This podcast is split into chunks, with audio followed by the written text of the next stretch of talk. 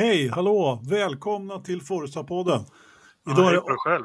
Ja, tjena. Idag är det avsnitt 204. Eh, vi tar väl dig först då, Jakob. Hur är det med hemmansägare i Engelmark? Eh, mycket bra. Är det så? Ja. Ja, härligt, härligt. Ridderstolpe, är du med?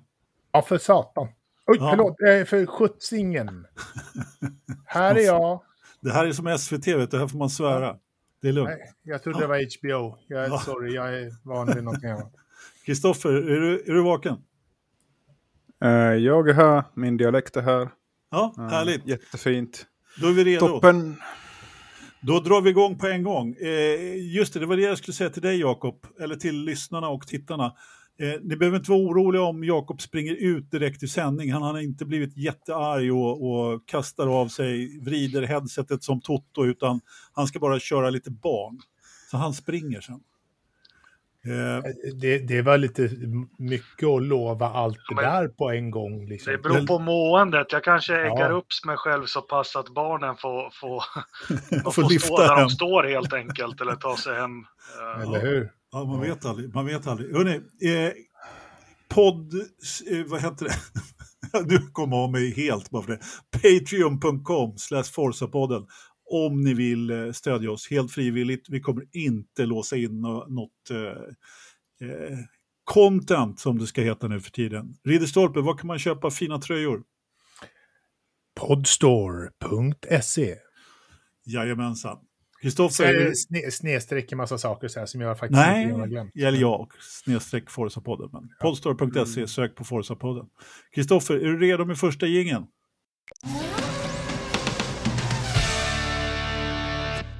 Lysande. Eh, jag, jag blev, blev, så lite uppstressad här i inledningen eh, eftersom vi hade inte bråttom har vi inte, men jag, så jag glömde dra eh, vet du, själva innehållsförteckningen. Men ni förstår säkert att det blir Miami och Formel 1 och så blir det lite övrig motorsport och så blir det lite väder och sen så blir det lite... Det kanske blir en veckans förstappen idag också, man vet aldrig. Faktiskt, så, så är det. Så vi, vi, vi, vi går direkt på det egentligen. Vi hade ett, ett Miamis Grand Prix med eh, Max Verstappen som tog sin tredje seger eh, och Charles Leclerc från pole position. Ferrari-bilarna kunde inte riktigt utmana. Eh, I mitt tycke så, så gjorde de en klassiskt strategisk mix men eh, vi ska inte ta det sådär, utan vi börjar så här. Så här. Vi har en liten... Eh, det har varit lite tudelade känslor angående eventet, angående loppet, både här och där. Vissa tycker det var helt fantastiskt, en av dem har vi i, i poddstudion. Några tycker att det var kanske inte det värsta som har körts, men ingen vidare helg sådär. Eh, så därför så, så har vi lite Rumble in the poddstudio här med, mellan Jakob eh, kalenderbitaren Engelmark och Kristoffer Närpes Lindén i varsin ringhörna. Eh, Engelmark, har du laddat hårt nu? Vill du börja och, och tala om allt som är fel med Miamis GP? Mm, nej, men det är väl inte så mycket som är fel på själva GP, men eh, problemet är att eh, man inte kan hålla två tankar i huvudet samtidigt som det så modernt heter att ja, men bara för att eventet var skitballt så behöver inte loppet varit jättebra.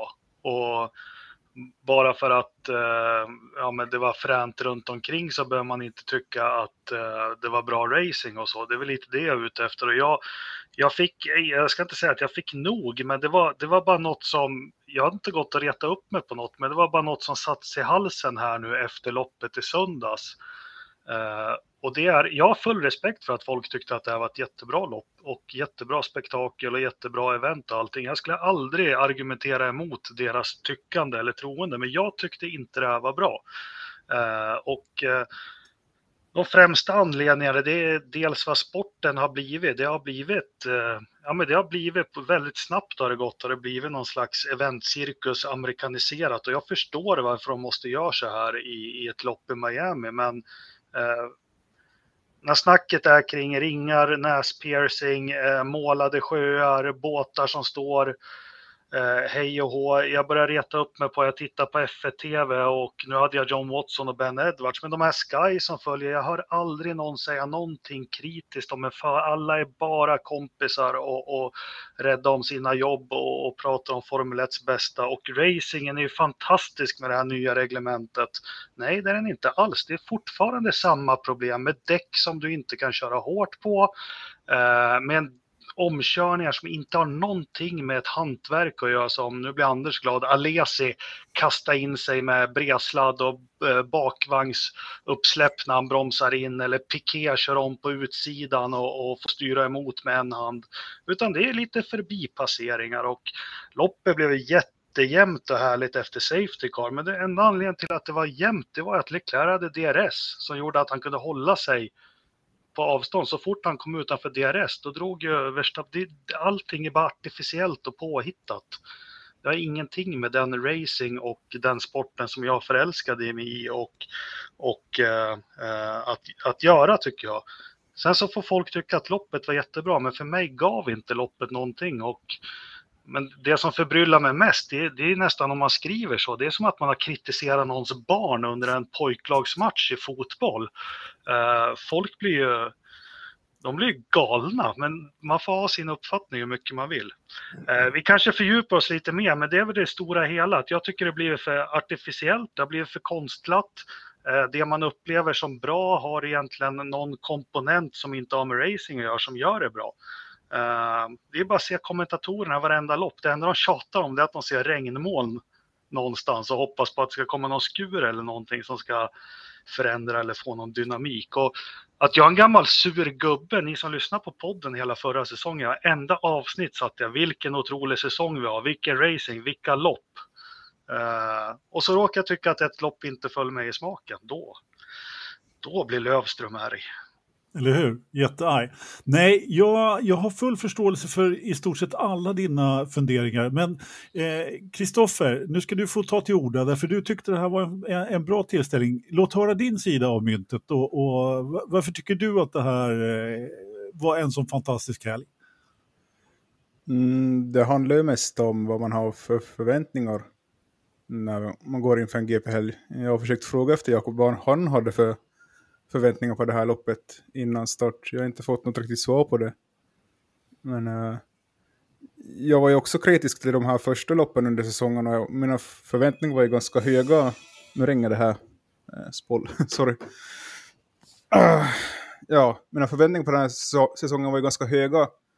Så därför tyckte jag de två första loppen var ganska dåliga. Så jag insåg ju själv att jag fick sänka mina förväntningar på vad, vad den här säsongen kan erbjuda helt enkelt. Och just i Miami så snacket inför loppet så var ju mycket det här att det fanns bara en körlinje att köra på helt enkelt. Och jag var ju beredd på en Monaco eh, en Monaco-drabbning att alla skulle köra ett tåg efter varandra och inte kunna köra om varandra. Men nu fick vi ju omkörningar både med deras och utan deras. Vi fick, banan var ändå gjord så att folk gjorde misstag. Och uh, ja, liksom jag tyckte jag var faktiskt förvånad över hur bra loppet blev. Där mittemellan så blev det kanske lite statiskt, men det är man ju van med sen uh, att Verstappen hade en ledning på 28 sekunder någonting. Det är ju så F1 alltid sett ut ganska länge. Det är ju få förunnat vi har lopp där vi faktiskt har en riktig fight om första platsen. Jag vet inte. Så jag är inte liksom förvånad heller över att det såg ut så här som det gjorde på lördagen. Jag var bara positivt överraskad över vad vi fick se, än vad jag, hade, vad, vad jag var inställd på. Mm.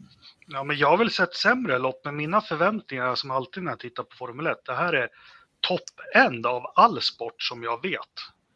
Det är liksom genier, det, det, är det dyraste, det är teknisk skicklighet, det är, det är gladiatorer som förare med en enorm kapacitet. Det är, men jag får se David Beckham och jag får se allt möjligt jävla skit på ren svenska.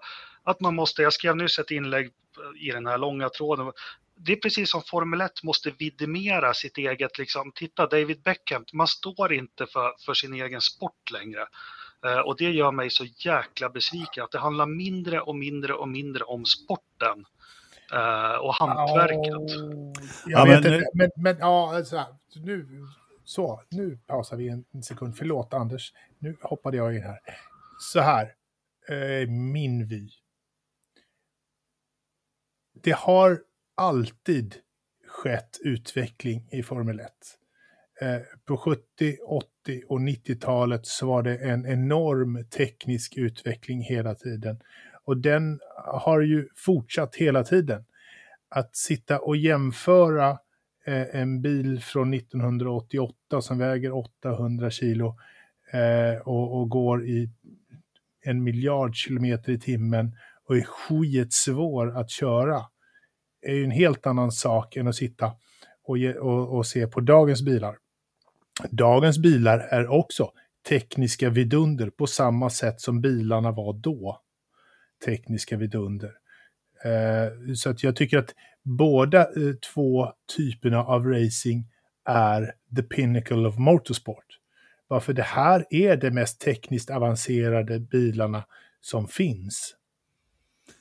Och det är så de ser ut. Och sen att de har, att vi har eh, ett batteripack som väger eh, 280 000 kilo. Ja, eh, det har vi och då får vi liksom anpassa oss till det. Liksom. Men, men det har ju skett förändringar och eh, det har hela tiden, år från år, varit en annan typ av racing varje år. Jo, men visst har det, det måste man ju kunna, Det måste man ju kunna se, liksom att det är något så här, här var det eh, ground effect och det var kjolar och det var sexhjulingar och det här kom det vingar och allt så.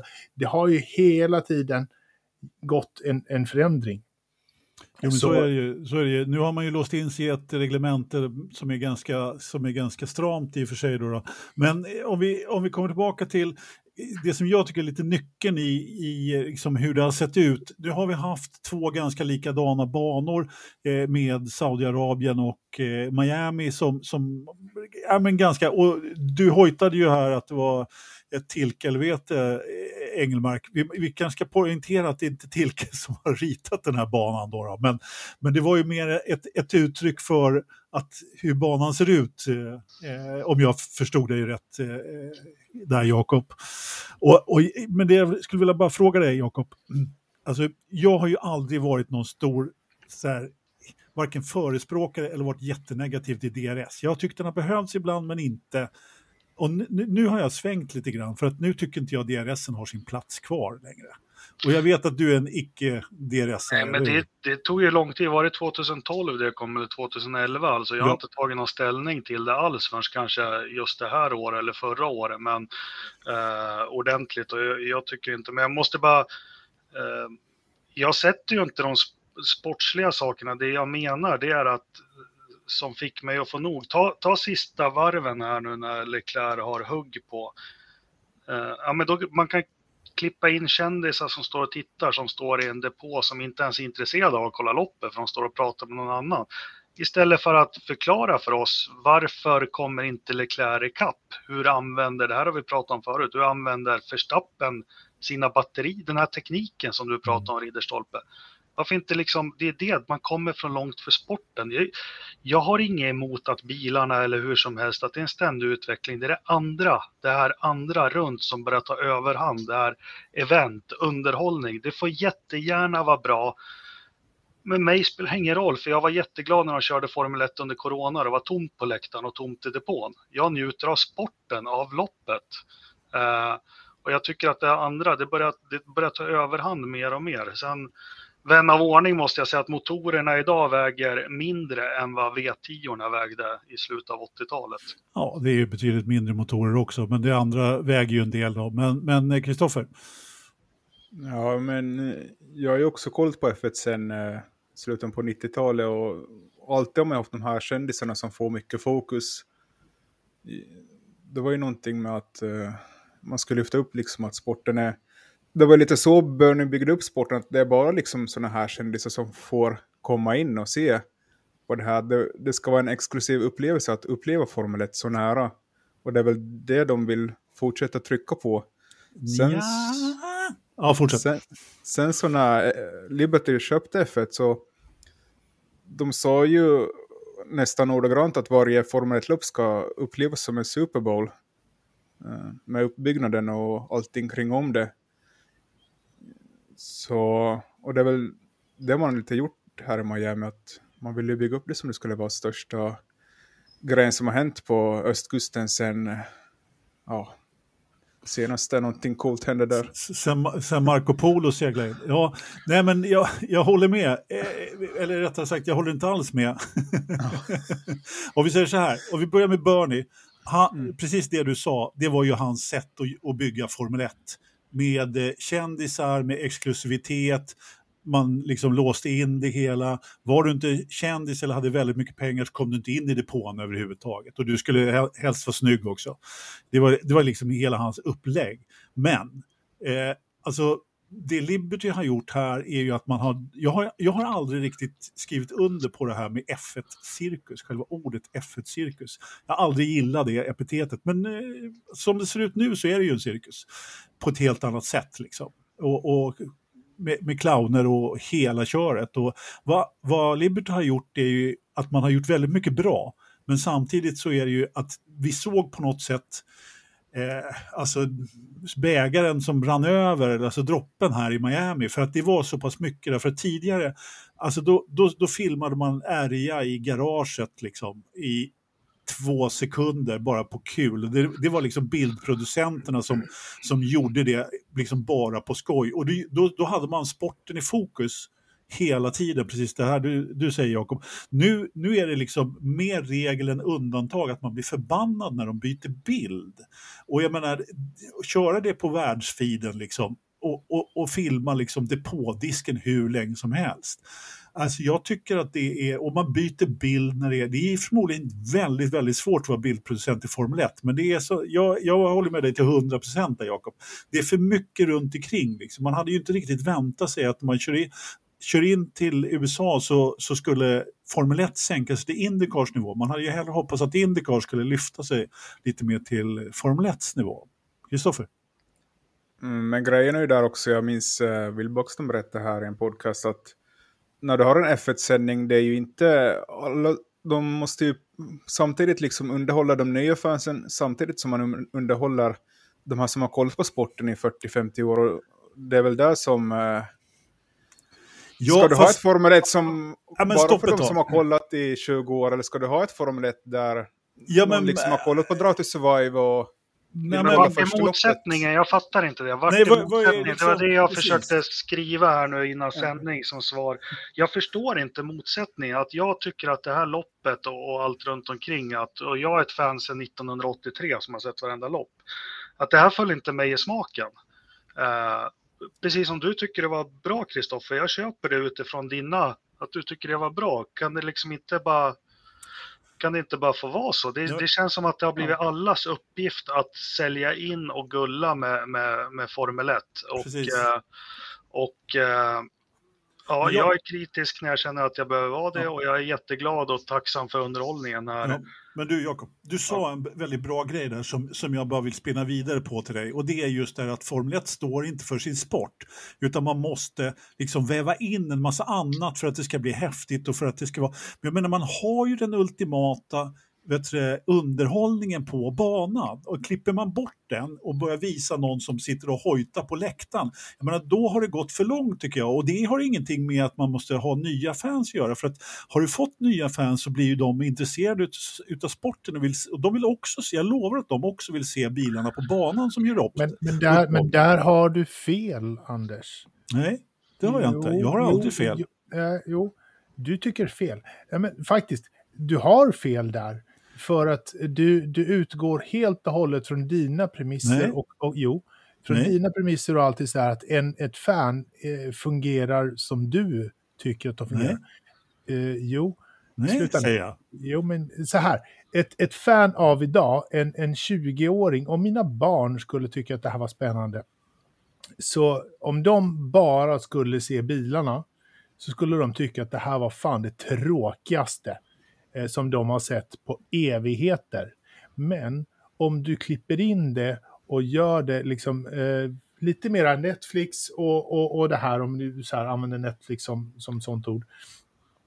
så blir de mera intresserade och då eh, fastnar de för det. Det är det som Drive to Survive Ja, du, gör för, för uh, ungdomen idag. Ja. Det, är därför, det är därför det är jag, jag förstår precis vad du det menar, Det- men jag, jag det här är tycker liksom gam, den gamla. MTV-klipp-grejen.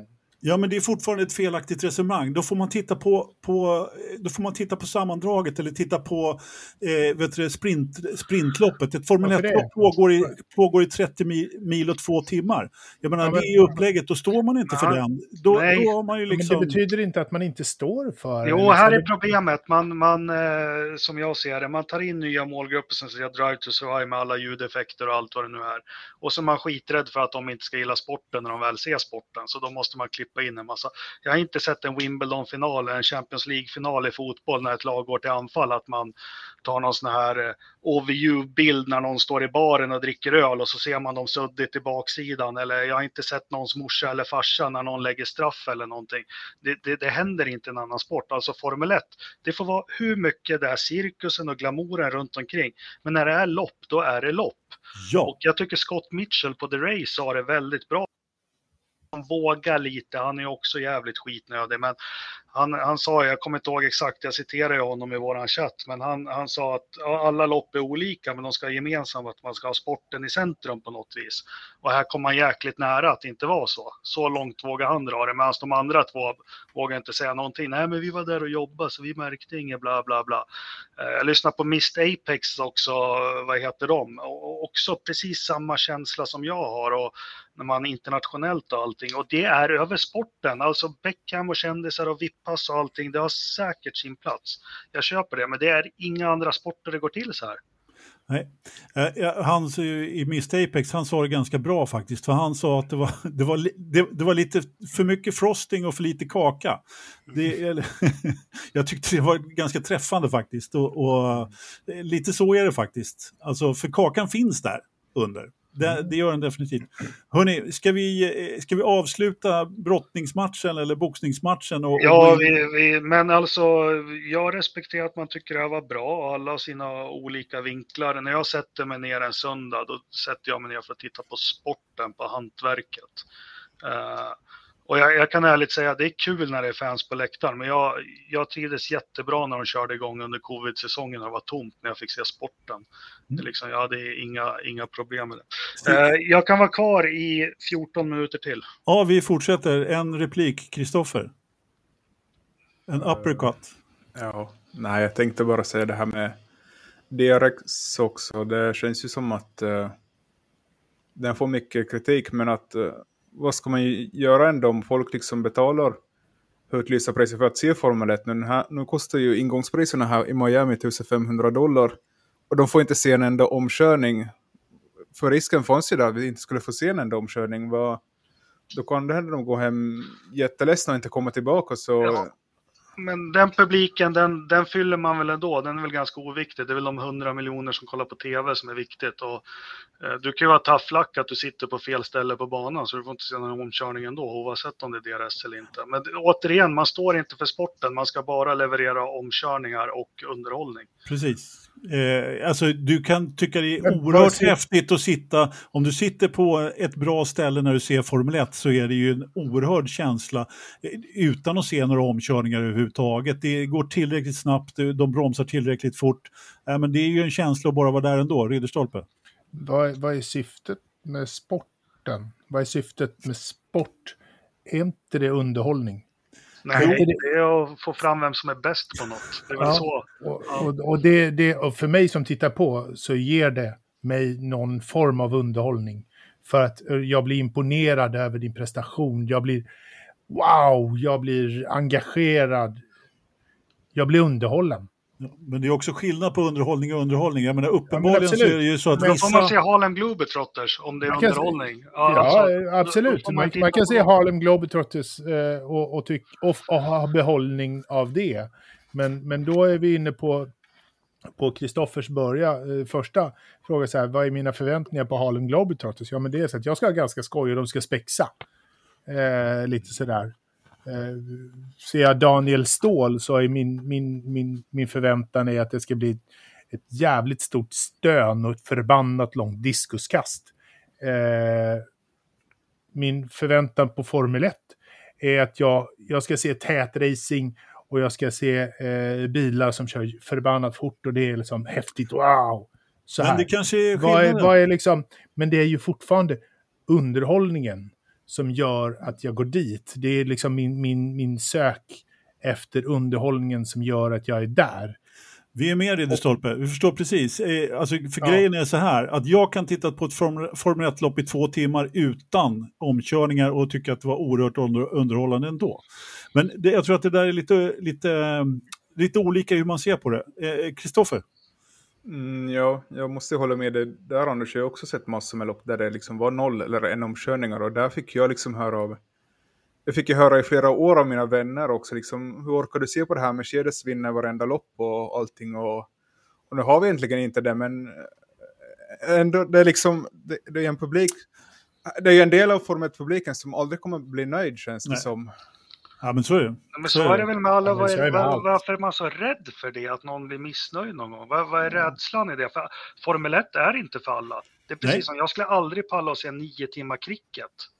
Men det finns, Tre dagar. det finns personer i Indien och England som, som älskar det. det har vi liksom, men varför ska Formel 1 helt plötsligt vara för alla? Fan, jag kan- pallar fan inte 45 minuter fotboll, så att, eh, eller vad fan de nu spelar i sina halvlekar.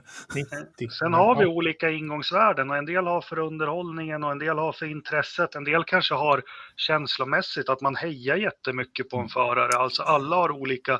Men det, för att avsluta mitt, sen får ni säga, men mitt det blir så här att allting som bara så här hyllas nu, om jag tänker en tanke på att det är nytt reglement och bilarna kan följa hej och så börjar jag titta på vad är det liksom, varför kan de följa? Jo, de har DRS nu som gör att de kommer nära och så kan de åka lite närmare. Men blir det något bättre action? För det, vi har fortfarande ett däck som alla åker och tar hand om, något fruktansvärt. Eh, som inte tillåter att de kan köra hårt fast de har de här bilarna. Eh, vi hamnar mer att man åker och spar på allt istället för att laddar på för fullt som det, det kanske var förut. Det är sånt som inte tilltalar mig. Vi har bilar som som Formel 1 för mig är inte den här krokiga. Där ska de liksom vara nimble och bara gå igenom så här, just ut som slot cars. De är liksom så klumpiga och, och, och tröga så att eh, ja, det är sånt. Men jag, jag tyckte inte det här loppet, det, det fångade inte mig. Det fångade inte min son som är 13 år. Han tyckte det var jättekonstigt. Han var superirriterad på bilder och, och klipp och sånt. Så eh, ja, det finns Mm. nog. Sen, sen så är det en annan sak att eh, det här med mål, ja, nej, men vi, vi, jag stannar där. Gör det. Kristoffer, ska du avsluta igen? Nej, jag tänkte väl bara tillägga, nu går vi till överkurs, men det finns ju väldigt bra medel idag med att sitta med live timing. Du har tillgång till alla liksom förarkameror och sånt. Jag, jag konsumerar ju ett lopp hemifrån på ett annat sätt än den generella tittaren som tittar bara på mainfeeden. Så jag, när jag kollar på ett lopp, jag sitter och kollar liksom avstånden mellan förarna. Jag sitter och lyssnar på Bottas talradio samtidigt. Jag, jag liksom har ju en annan, och det är väl kanske det som är därför jag upplever det som ett annorlunda när jag liksom ser att någon ligger och jagar på någon annan hela tiden. Att jag sitter ju själv och letar vad kommer det hända nästa steg. Det är ju det som är så är F1 var intressant för mig att det alltid är ett pågående schackspel i 300 km i timmen. Och sen att eh, bildproducenten inte vill visa det här, det, Nej, men eh, visst är det så. Alltså, det går ju, där har vi ju som tittar på Formel 1, det är ganska väl förspänt om man har FTV, att man kan välja förare att titta på. Jag brukar också göra det, men fortfarande så är det så att om man vill ha en helhet, alltså det här är ju liksom, ofta om man är intresserad lite mer av en förare, då, då, då, då är det ju väldigt lätt att, att följa, liksom att ha det på en extra skärm eller så. Det brukar jag också ha, men jag tycker fortfarande att eh, världs, liksom, den world feeden, den behöver vara den behöver vara bättre. Eh, så jag tycker inte den är bra. Men återigen, förra året, förra året hade vi fantastiska lopp som var det spretade dit och det spretade hit. Sen var det tio varv kvar så låg Hamilton och Verstappen där. Mm, jo. Och det här har ju försvunnit helt i år. Ja, fast eh, en sak måste vi ändå vara hyfsat överens om att vi har en fight om VM i år eh, från, för, från första loppet. Vi har ett, ett tajtare mittfält än vi, hade, än vi hade, kanske mest därför att Mercedes inte riktigt har lyckats med sin bil. Men de är väl trots allt ändå tredje, tredje stall eh, någonstans. Och, eh, vi, vi- vi, vi går in lite mer bara på loppet och, och vad, vad som hände där egentligen. Och liksom, vi behöver väl inte prata så mycket om träningarna, men Sainz gör det igen och eh, kraschar. Och Con kraschar rejält. Eh, kan inte ens köra kvalet med en, en på, på samma ställe. Eh, egentligen som Sainz kraschade och eh, kan inte, de får inte ens ihop bilen till, till kvalet där. Det var chassit som sprack och så vidare. Men Max gör väl egentligen ett eh, misstag på hela helgen och det är Q3 där. Så att eh, Leclerc tar pole och eh, Sainz kan ta andra platsen, Kristoffer. Ja, och på fredag redan så hade ju Verstappen problem att det brann ju. Och han kunde inte Just det. köra en hel träning. Och jag tycker banan var pass lite utmanande ändå. När de hade ju sagt det innan att de hade ju liksom gjort vissa partier för att frambringa misstag. Sen var de inte direkt smarta att ha betong där i kurva 14 där både Sainz och Ocon slog sönder sina bilar. Det Nej, de hade inte, det, det fick de mycket kritik för att de inte hade det här stötupptagande eh, utan de, att det var ren betongmur där. Det kan man ju tycka också var lite konstigt. Dessutom tyckte jag det partiet var lite märkligt ändå, men visst, det blev lite underhållande där. Och sen kurvan som ingen kom ur heller, eh, den var ju också lite speciell som de fick då eh, asfaltera om ett par gånger där under helgen då. Så att, eh, men, men eh, ja. Var, var det bara jag som fick så här Indycar-känsla lite grann när jag såg eh, banan och, och körningen och kameravinklar och sånt där? Nej, det, det var inte bara du. Och, eh, alltså, om de inte fortsätter att köra i Miami så kommer säkert Indycar köra där. Eh, Ja. Skulle inte förvåna mig. Skulle inte förvåna mig, men... Kristoffer? Jag tror det är ett tioårskontrakt där i Miami. Ja, visst var det väl det. Eh, Så att det kan ju ta en stund, men kontrakt är ju till för att brytas. De ville, de ville ju ha ett riktigt stadslopp, men då liksom satte sig invånarna sig emot. Mm. Sen ville de väl ha det liksom nära stadion eller någonting, men det gick inte heller på grund av de som vi har haft mycket folk som jobbar mot det här. Nu blev det ju ändå liksom en att man drar en slinga på parkeringen. Ja, precis. Men ska de, ha, ska de ha kvar den här slingan eller tar de bort den? Det är ju en semi, semibana som Soch- Sochi och Baku och de här liksom. Ja, Själva banan kommer väl vara kvar, men eh, allt runt om byggs upp just en kom Okej. till loppet. Okej. Precis. Men eh, i vilket fall som helst, vi behöver egentligen inte gå in ingående på loppet. Alla, alla, alla vi, de flesta har sett det i alla fall och eh, eh, den notabelt största händelsen egentligen om vi ska titta på slutresultatet måste väl jag säga att eh, det var några som åkte och väntade, eller några, Russell åkte och väntade på en safety car och eh, när den väl kom då så, så, så dök han in och Ferrari fick i stort sett eh, straffspark där och när eh, Verstappen hade åkt förbi infarten till depån och eh, varken, de tar varken in Leclerc eller Sainz och byter däck. Varför gjorde de inte det, Kristoffer? Mm, de hade inga nya medium kvar. Jaha, men, men då är man ju lite, vet du, sådär eh, fyrkantig i sitt tänk tycker jag. Vad tycker du, Engelmark? Ja, men snacket innan var ju, precis som Kristoffer säger, att Ferrari hade slut på nya medium. Men pratet innan var ju att Red Bull hade dåligt med hårda. Ja, men alltså... Ja, var men det- det man gör Ferrari och det som jag upplever kanske Red Bull hade förra året, kampen mellan Lewis och Verstappen, det är att Red Bull ser till att sätta sig i förarsätet fast de inte ska i, i depå eller i strategiracet fast de egentligen inte är behöriga att sitta där. Eh, Det här var ju faktiskt Ferrari skulle ju styrt och ställt där med, med Leclerc tycker jag och med Sainz hade de ju också läge att vända och vrida på det. Eh, Men de ger bort initiativet på något vis. Eh, Så, så är känslan i alla fall från tv-rutan. Och det blir varken hackat eller malet, det blir liksom ingenting. Nej, det blir ju inte det. Det blir ju inte det. Jag håller med helt och hållet. Den enda som gick in och bytte där på slutet var ju Perez då som fick på ett par, par röda. Och jag menar, Ocon? ja men jag pratar om tätstriden nu. Jag vet att Ocon var inne och bytte också. Ta det Ja, lugnt, vi, kom, Ja, vi kommer dit. ja. Men, men, och jag menar, han sa ju då att han hade definitivt eh, klarat av en andra plats om han inte hade fått de här motorproblemen då. Eh, vad var det för något, Kristoffer? Ja, det var ju lite komiskt att lyssna på hans teamradio när han liksom själv säger att eh, jag har problem med toppfarten. Han bara, nej, nej, allting ser lugnt ut. och sen så, så såg de väl till sist att det var en eh, motorsensor som bråkade och han tappade ungefär till 30 hästar på den, eller 10 kilometer på rakan. Mm. Sen, ehm, sen så, Ferrari tycker jag hittills över säsongen, de har ju problem både med toppfart och däckslitaget när det är varmare väder. Vet inte om ni har märkt det? Jo. Melbourne var ju lite kallare och där lyckades de bättre med jämfört med Red Bull. Som uh, inte fick igång sina däck i Melbourne, men här var det ju tvärtom. Så. Ja, och det tog, men det tog ändå lite tid att få fjött på de hårda tyckte jag. Eh, liksom, eh, trots att det var så varmt. Men det, som, det noterbara var ju kanske i starten också med, med Sainz där som inte riktigt eh, kom iväg från, från, sin, från sin sida. Så att, eh, och Verstappen gjorde ju en rejäl dykning där på yttern, Kristoffer.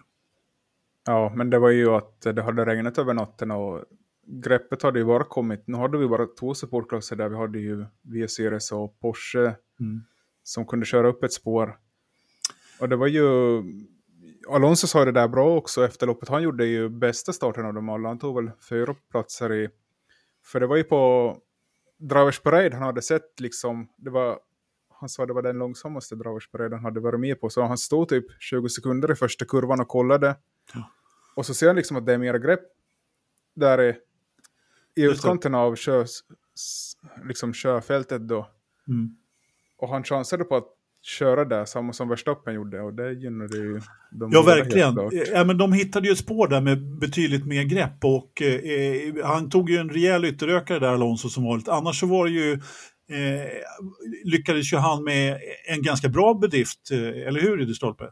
Ja, gud ja. Han, eh, han, han gjorde ju två två, de första två kurvorna gjorde han riktigt snygga ytterrökare där, så det var ju klass. Men han gjorde två andra saker också. Som du tänker på? Alltså om man lyckas få två fem sekunder i samma lopp, det är rätt bra jobbat tycker jag. Eller vad tycker du Engelmark? Ska han lägga av nu? Alonso? Ja. ja nej, finns ingen anledning. nej, men det där, han har väl, det där har ju blivit hans start sedan 2011 var han började med det här och ta, mm. ta på yttern. Och, ja, men synd att ingen tar efter bara. Nej, eller ja. Förstappen gjorde ju det och tog sig förbi Sainz där.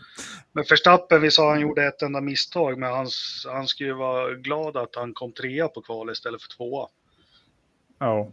Ja, lite Absolut. så. Ja. Eh, det har du helt rätt i faktiskt. Därför att eh, det var ju fler som var glada att de fick starta på den sidan. Bottas till exempel. Men var, men var det en sån stor skillnad då egentligen? Ja, när det regnar så flyter ju allt grepp bort. Jo, absolut. Men det var, jag tycker inte det var jättestor skillnad att, att starta till höger jämfört med vänster eh, sidan. Faktiskt. Ytterligare ett incitament att gå tillbaka till warm-up på söndag morgon.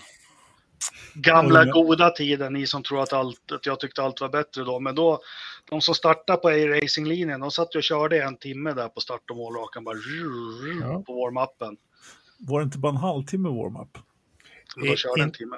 Jag gillar de, kör, de körde en timme. Var det en timme? Ja, ja det. Men, så jag körde fast forward så blir det en halvtimme. Men äh, MotoGP har ju warm-up längre, så ni kan ju kolla det om ni vill se en warm-up. Ja, men de har två hjul för lite bara. Men hörni, ja, ja.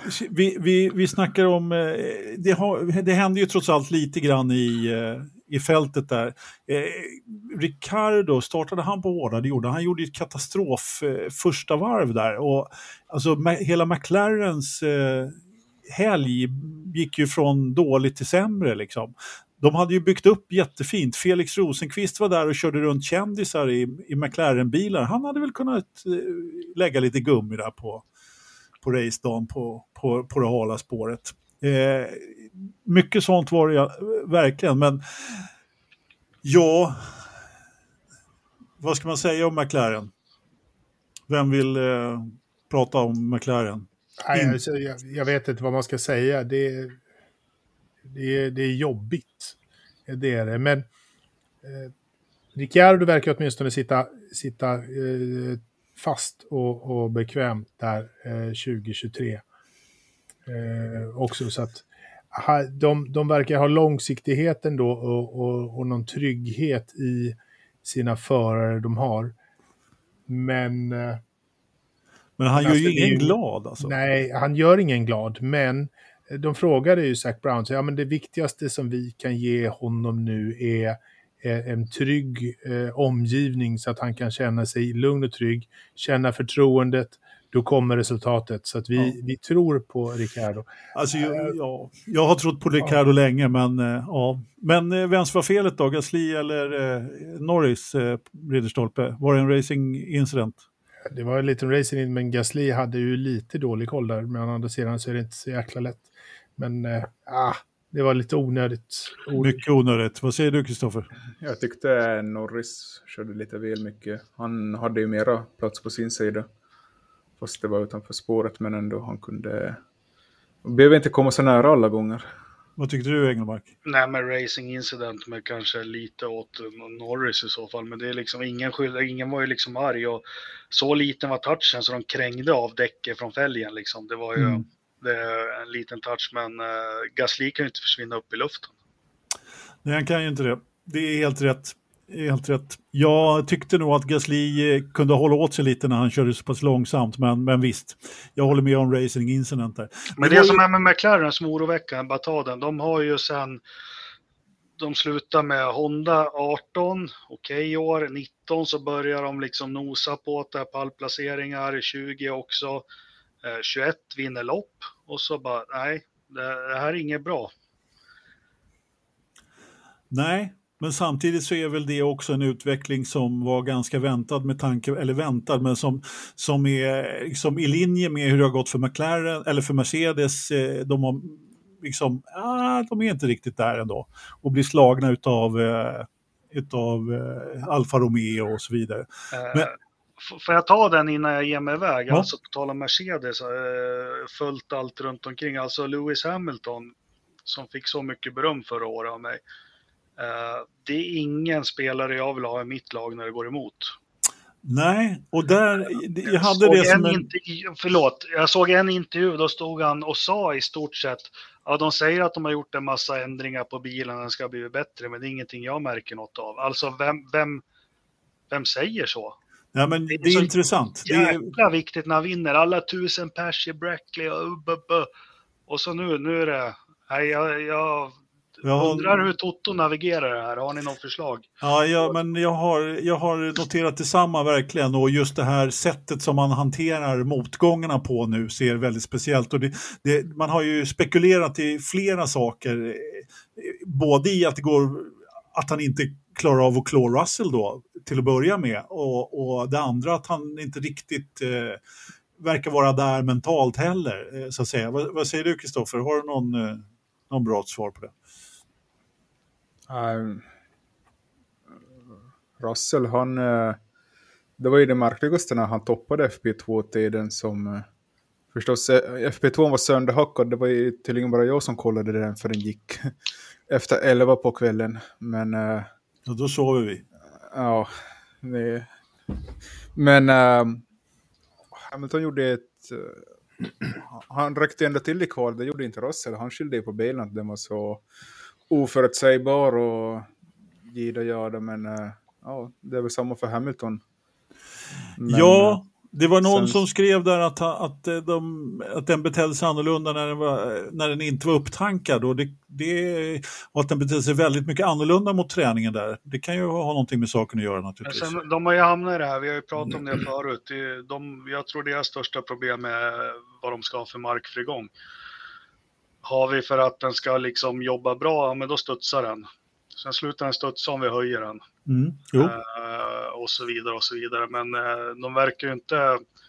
De var väl förbryllade själva över de här. eh, Jag kollade också på fria träningarna, men de var väl förbryllade själva över att de inte förstår. De förstår inte vad det är som händer. Nej, och det är klart Det- att då är det ju väldigt svårt att göra någonting, någonting åt det. Och, eh, om man, helt plötsligt får man till det så går det jättebra och så tror man att ja, men härligt, nu har vi löst det här problemet. Och så nästa, nästa, på kvalet då så, så funkar ingenting igen och så vet man inte riktigt vad man har gjort. Ja, det är klart att det är problem. Hade du något, någon, någon förklaring, Ridderstolpe? Ja, alltså det, jag hörde Toto efter loppet så sa han att de, de vet ju väldigt mycket mera nu efter den här helgen än, än vad de visste innan helgen. Eh, problemet med studsandet är, är så här, bilarna, även Ferrari studsar på, på raksträckan. Problemet Mercedes har är att de även också studsar i kurvorna. Då får ju förarna liksom ett stort tilltro problem. bara för du vill inte sitta i en bil som studsar fram i en kurva. Det, det är inte eh, optimalt. Men de gjorde ju saker med, med golv och liknande på, på fredagen. Som gjorde att de hittade eh, tid och sånt där. Sen trodde de att de skulle förbättra det eh, till, till lördagen, till kvalet och sånt. Men det blev väldigt mycket sämre istället. Eh, det har gjort att de har fått lite mer information och vet mer vad som funkar bra. Men de har fortfarande ett ganska stort gap mm. där de inte riktigt förstår. Precis som Jakob är inne på, de har en stor lucka där de inte vet.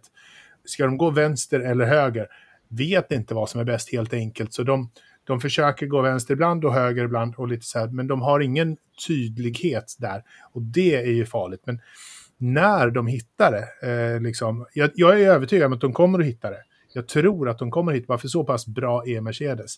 Eh, men vad det är, eh, liksom vet inte. Men när de hittar det, då kommer de att ha en jäkla snabb de inne på, de, de utesluter ju inte att byta tillbaka till den första bilen de hade i år med de här sidepodsen. Och det är också... Ja, jag, jag, jag, jag tror att de har släppt det. Nej. Jag tror att de har släppt det. Ja. Det lät så. Vi får väl se. Eh, vi kommer ju till två omkörningsfester här nu, Barcelona, Barcelona och, eh, och Monaco. Vi får se vad de hittar på vill kila in att Russell slår Hamilton i en usel bil. Det är ju ingenting som eh, jag tycker är uppseendeväckande. Det hör till normal. Han har vunnit VM sju gånger. Russell är på väg upp och ska bevisa sig. Det här har vi sett ganska många gånger.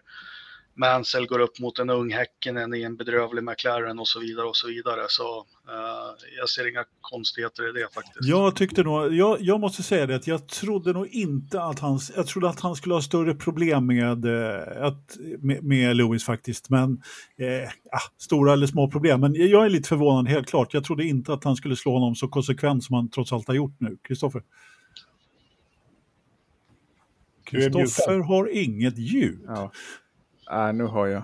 Uh, igår fick han lite eller hjälp, eller han var ju smart när han liksom säger till stallet att kan vi lämna ut den då för liksom däcken håller och Jo, jo. Så hade han lite tur ändå med safety caren. Om man inte skulle fått en safety, om man inte skulle fått en safety car skulle han fallit som en sten i resultatlistan så Lewis, då, är, då är eh, Lewis där direkt lagspelaren och skyller på strateger och allting. Exakt, ja. han fick eh, ingen bra strategi med han. Men eh, alltså, Russell gjorde ju helt rätt i det där läget naturligtvis. Och eh, trots allt så körde de ju faktiskt man mot man där efter. Och det var ju, tyckte jag var lite intressant att se deras fight överhuvudtaget. Fast den fick vi inte se. Eh, det lilla vi fick se av den. Eh, Kristoffer kanske såg den som hade 14 skärmar uppe. Ja, och jag måste ju nämna Bottas där också som försökte hålla de här både Mercedes-bilarna. Jag, jag tyckte han var väldigt kompis där när han la sig och så saktade han in lite på betongen där och så sa varsågod, här, kom, släpp förbi, bry ja, inte om mig. Nej, men, ja, det, men det var väl de två sorgliga, det var väl att Bottas inte fick komma före dem och att Mick Schumacher inte fick poäng. Mm. Hörni, jag ska åka och hämta dottern nu på, på ridningen. Eh, veckans förstappen Ja, det verkar bara vara jag som uppmärksammar att det kom en gul flagg mitt under loppet och det var för att Lando Norris bromsade på sig och hamnade mm. två meter från Apex. Uh, det är suveränt och det är 14,7 grader i 14,7, jajamän, ja. tack. 14. Ha det så trevligt allihopa, vi hörs. Puss och kram. 14,7 har jag noterat där, det är bra, kan vara bra att komma ihåg. Jag hade precis... Ja. Nu jävlar får vi prata på riktigt här. Ja, eller hur? Precis. Nu kan vi säga allt, allt som var fel. Nej, men jag hade tänkt spinna vidare lite grann och faktiskt ta upp Alfa Romeo lite mer. Eh, lite mer och Alltså Guan Yu Zhou, han har ju inte matjord i fickorna just nu. Alltså. Eh, jag menar, när bilen funkar så pass bra så får han inte ens komma i mål. Eh, Bottas gör det ju riktigt, riktigt bra. Superkvalare som han är, kvalar in på femte plats håller sen eh, Lewis bakom sig under långa tider men gör ju där ett avgörande misstag då och eh, får släppa förbi sig båda de här Mercedes-bilarna. Eh, man såg ju knappt till honom överhuvudtaget i loppet där. Eh, det hade inte jag några jättestora problem med, bildproducenten, men du hade väl koll på honom, Kristoffer? Ja, jag tänkte nämna Soda. Han, han hade ju en bättre helg. Han var ju på väg in i Q2. Ja. Men eller han kom till Q2 men sen var det ju lite trafik där på slutet. Precis. För Precis. banutvecklingen var ju enorm. Det handlade ju om att komma sist över mållinjen ungefär för att ta det vidare till nästa kvalsession. Och han var väl den som fick ganska mycket trafik på sitt sista försök. Så Det var inte bara ganska mycket trafik. Det var Det var Essingeleden halv åtta en Ja. Mm. måndag morgon. Liksom. Det var, nej, det var, jag håller med, det var, nej, det var inte bra. Och, eh, men det var, det, Jag det var, ja, förlåt, det var lite Ja. det jag menade, att han fick liksom aldrig chansen att bevisa sig i Mm. helgen. Så. för jag tycker han har börjat, han har inte gjort bort sig heller. Nej, Det har han för, verkligen vara inte. för att vara en rookie. Nej, men precis. Han har ändå varit hyfsat stabil. Att, eh, och sen att bilen går sönder. Jag, vet du vad det var som gick sönder, Kristoffer? Har du hunnit kolla upp det? Uh, hydraulikläcka som gjorde att den överhettades. Så de fick ta in Ja, den. alltså det, jag tycker ofta det är hydrauliken. Men, mm sen, eh, ja, men sen hade vi ju nästa då, sekvens i, eller i loppet där det blev ett rejält DRS-tåg. Vi hade ju hasarna som faktiskt hade bra fart och, och, och körde, upp, körde riktigt, riktigt bra. Sen hade ju de ett stort, ett stort problem och det var ju att eh, båda Aston Martinerna, vad var det, var bränslet för kallt på startgriden? Mm. Mm. Ja, och, och så man var tvungen att ta in dem i depå för att de hade kylt bränsle för mycket så man var tvungen att plocka ut, eller tömma soppan och eh, fylla på igen. Så att det blev liksom depåstart för både Lance Stroll och Sebastian Vettel. Och det Ja. gjorde ju då att de startade hårda naturligtvis längst bak och, och eh, när hasarna gick in och, och bytte, eller rätt många var det som hamnade bakom Aston Martinerna. Eh, Eller hur Kristoffer? Ja, jag tyckte de gjorde ett ganska bra lopp ändå. Aston på Martin, poäng. Ja, det var ju snudd på poäng för de båda. Ja, det är ju näst, nästa sekvens då i, i loppet när, alltså det var mycket fighter där bak, definitivt. Nu var det ju kanske inte det man ville se just där, men för det brukar vara bra fighter där bak. Men alltså, herregud, de var på poängplats både polarna liksom, Mick Schumacher och Sebastian Vettel har liksom kört till sig eh, poängplats. De låg 9 och 10 där, Kristoffer.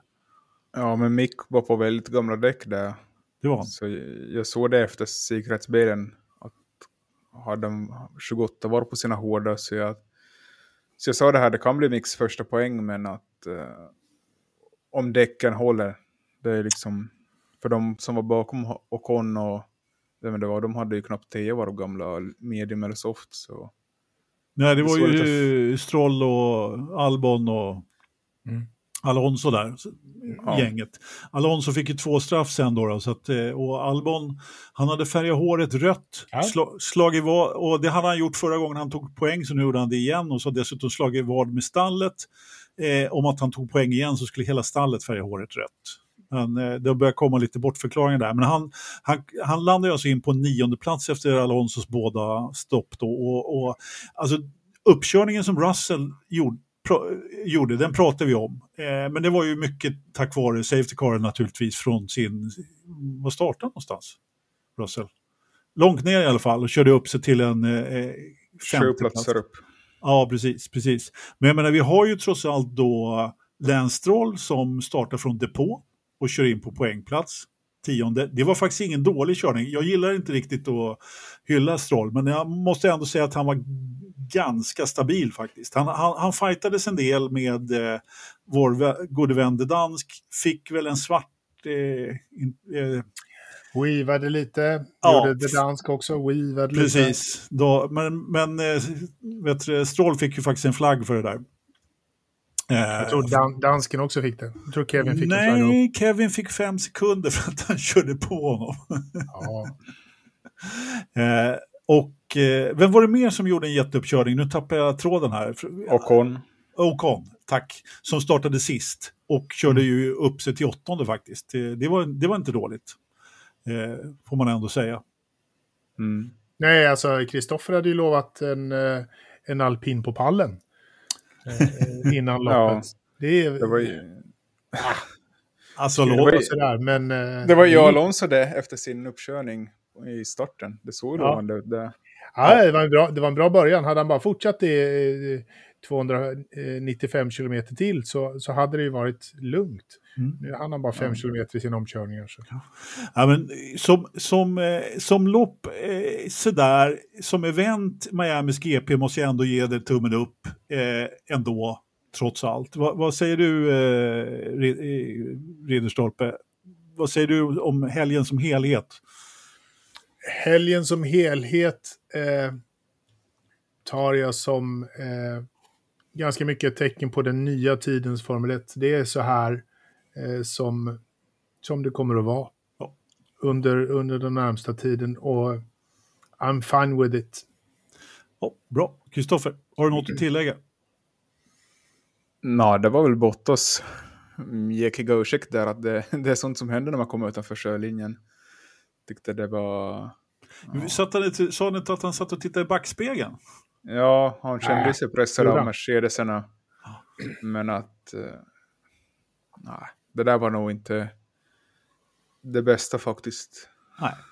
Han, han kör ju ändå in några poäng till Alfa Romeo igen får man säga. Han är ju rätt stadig poängplockare nu faktiskt. Så att, eh, men det är klart att har man en femteplats som i Nask så, så, måste, så, så jag tror han grämer sig rätt bra över det där faktiskt.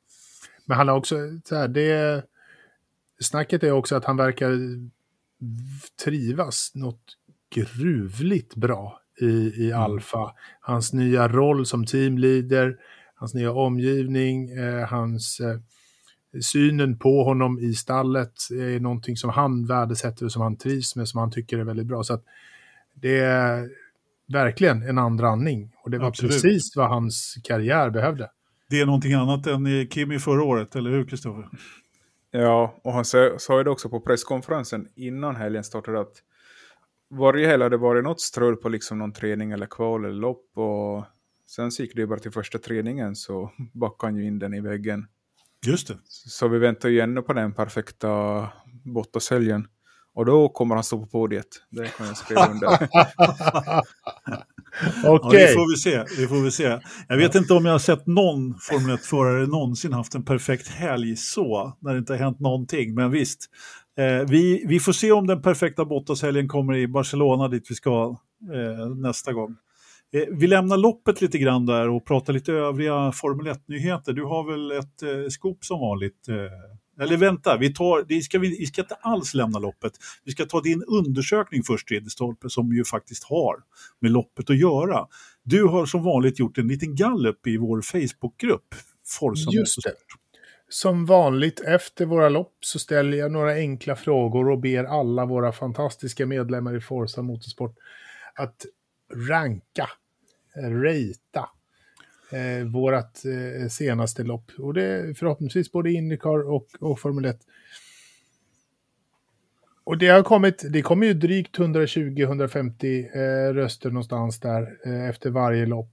Och över eh, närmare hälften av rösterna eh, fick det här nja, mellanmjölk, sådär lite lätt och lagom eh, race. Man tyckte väl att racet var lite sådär. Nu vet jag inte hur mycket man eh, mutar in själva inramningen och sånt i, i det här, men jag skulle gissa att som helhet så var man väl sådär lite lagom imponerad över det här som Forza Motorsport-medlem. Eh, Ja. De flesta, sen, sen efter det så kommer det så här, ja, racet var nog en tvåa av fem, möjligtvis. Eh, och sen är det några som tycker att racet faktiskt var riktigt bra, men jag tror att de tycker att eh, rösterna där är nog också för att här, inramningen eh, har, har förhöjt upplevelsen, skulle jag kanske kunna tro. Alldeles och samman. Sen finns det, sen finns det en, en stackare som tycker att det här var världsklass. Eh, Över vi- till honom, upp i vänstra hörnet. Precis, vi ska, vi ska inte nämna någonting vad vad Kristoffer egentligen tycker och tänker om det här, men han tyckte det här var fan det bästa han har sett på länge. Och- Varför får vi inget medeltal på de här rösterna? Jag tycker det är lite för... Lite för enkelt. Ja, det är liksom... Vi kan, vi kan räkna ut ett snitt på, på det här, bara för nu börjar vi få lite, lite race att eh, gå tillbaka på. Så kan Alltså, vi göra ja. lite Excel-listor av, om av jag får göra ett, liksom en snabb, eh, ett snabbt överslag på de där rösterna. Senast jag såg det skulle jag säga att det blev ungefär 2,36 ungefär. På förra loppet eller på Miami? Nej, på Miami. Nej, det kanske var lite mer förresten. Det var fler treor var det. Eh, lite mer var det, men ändå det, någonstans mellan två och tre där eh, Ja. bo- borde det ha blivit. Så, Snart, får- snart får vi börja med sådana här jättepopulära driver ratings också. Som... Ja, eller? ja, men herregud, jag vill inte ens Ja, prata om det. Såg ni The Race eh, driver rating? Så de har, de, jag vet inte om de ger Lewis poäng för gamla meriter eller? Jag menar, han fick ju fler poäng än... Ja, jag, vet, ja, jag, blev så, jag, men- blev, jag brukar inte bry mig så mycket av de där, men, men det, var, det var nästan upprörande faktiskt. Ja, nej, jag, jag, jag brukar liksom lägga på skygglapparna när det kommer till ratings. Alltså, det, ja, nej, jag vill inte Det, ens prata om det. jag tycker det är svårt att ge poäng för en körinsatsen då från 0 till 10. Ja, sen, sen tar de ju naturligtvis hela helgen, men jag menar det är ju trots allt poängen som räknas. Det är ju söndagen som ändå måste vara det huvudspåret kan man ju tycka. Liksom. Eh, även om man har gjort ett dåligt kval eller vad det är som man får lite avdrag för så gör man ett bra lopp så måste ju det ändå överväga liksom, det positiva. Jag menar, om en förare gör ett bra kval eh, men ett dåligt lopp eh, och den andra föraren gör tvärtom, vem ska då ha flest poäng? Den som gjorde ett bra kval eller den som gjorde ett bra lopp? För mig så är det oerhört självklart att den som gör ett bra lopp ska ha eh, överhanden eftersom man ändå liksom avslutade helgen, men tydligen inte där. Mm. Men Ja, vi har pratat i en timme, kanske vi ska lämna loppet. nu har vi lämnat loppet. Eh, Kristoffer, har du Jag ett tänkte, skop? Scoop vet jag inte, men eh, jag kan ju lite berätta vad som händer i, runt om. Formel 1 eh, boomar just nu, som det så fint heter på engelska. Eh, Boomar. ja, Q1 har kommit ut för F1 och man har dubblat inkomsterna med dubbla från förra året faktiskt. Från 180 miljoner dollar till 360 miljoner i ett kvartal. Hon de gjorde ju en rejäl eh, vet du, förlust senast, så att det, det, det kan de väl behöva. De har väl anställt en herrejösses massa influencers och folk som gör både det ena och det andra. Så att det, är väl, det, det är bra så att de kan betala allt folk. Men eh, i det stora hela så tycker jag det är oerhört positivt. Ja, så har tåget gått eller vad? Eh, jag tycker det ser bra ut för Formel 1 framtid. De, nu förstås jämför man ju med ett coronaår, så det är ju inte den bästa jämförelsen, men ändå Nej. att Precis. det känns som att det är på uppgång, som jag själv har märkt mycket. Ja. Nej, bara de slutar filma vet du, Horner och Binotto när de eh, fightas på banan och framförallt något jävla Verstappen-fan som, som sitter och skriker på läktaren, då, då, då håller jag med. Annars får det vara faktiskt. Vad säger det stolpe om uh, utkastet? Har du läst det? Om, om Q1. -an.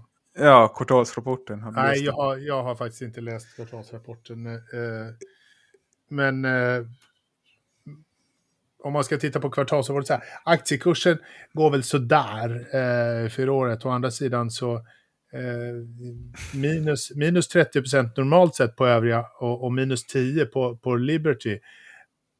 Det är väl ändå dugligt, men, eh, men det är fortfarande minus 10. Trots en, en Q1 som har visat bra med siffror.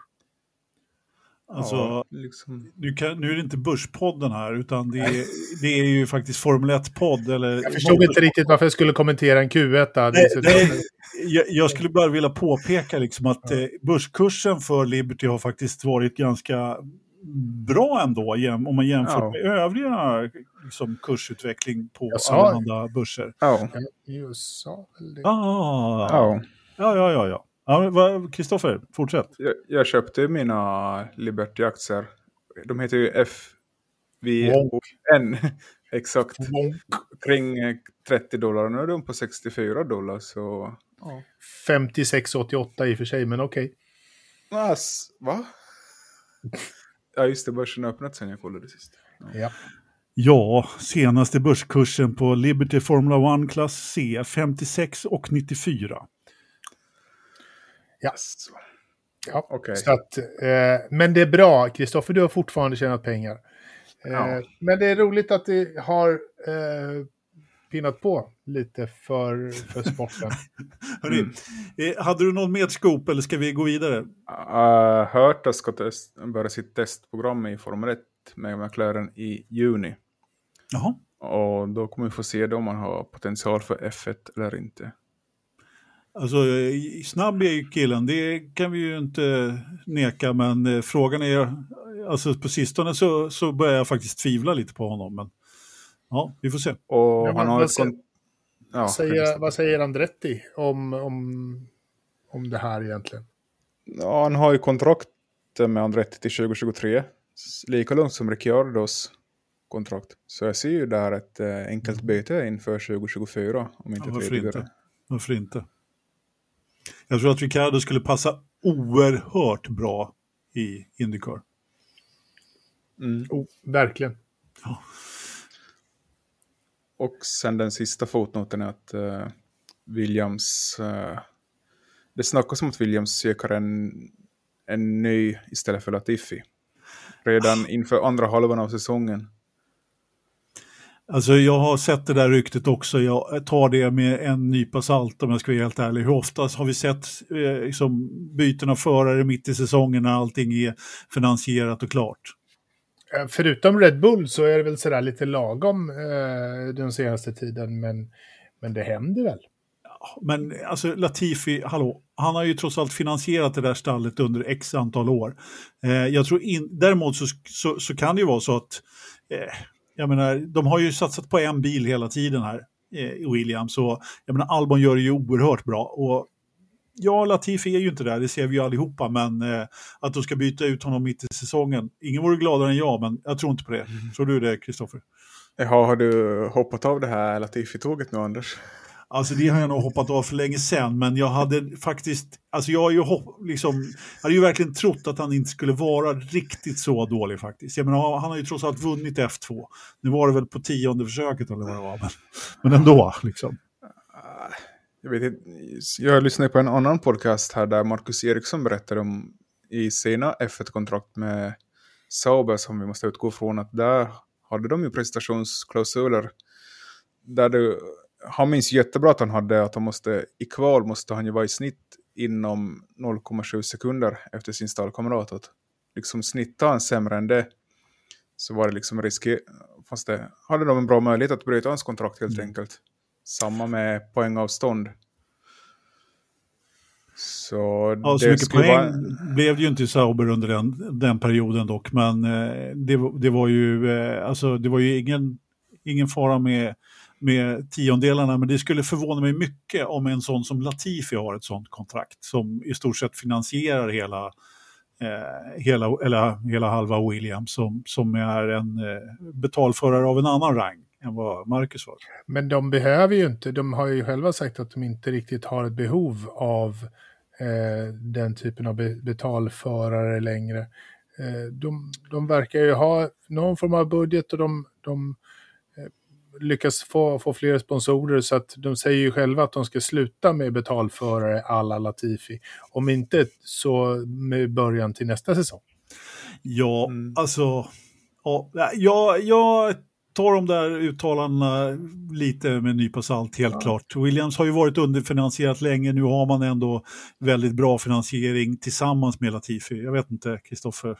du- Skulle det, inte, skulle det inte passa bra med en Nick de Vries lagom till spa? En belgisk det förare och belgisk Jo. lopp. eh, Jag skulle, jag skulle hellre se en Piastri eller någonting än Nick de Vries.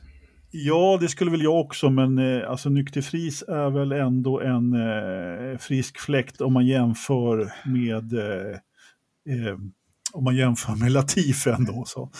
Du måste ju, Anders måste ju, vad kallar ni det, pudla här. Det var ju Nick de Vries som vann framför Latifi, men Nick de Vries fick inte komma till F1, men Latifi fick komma. Ja, jo, det stämmer. Alltså, så är det. Då får du också pudla eftersom nykterfris är nederländare och inte belgare. Ja, ja. Så om ni, två, om ni två har koll på era hundraser där uppe så kanske vi kan säga så. För er som undrar var man köper snygga tröjor så går man in på podstore.se och letar fram Forza-podden där. Om ni har en, en femma över i månaden eh, och tycker att vi av någon outgrundlig anledning skulle vara värda det så kan man gå in på patreon.com och sponsra oss lite grann där. Eh, mycket uppskattat. Tack eh, eh, Ridderstolpe för det eh, kommersiella meddelandet. Eh, ska, har du laddat eh, gingen Kristoffer eller ska du bryta in med något nytt här? Ja, nej, jag tänkte lägga in eh, om Podstore, om det är någon som väntar på sina produkter ännu som vi gör. Så de sa senast idag att det har varit ett jävligt tryck på tryckeriet senaste veckan. Folk har köpt som galningar av oss.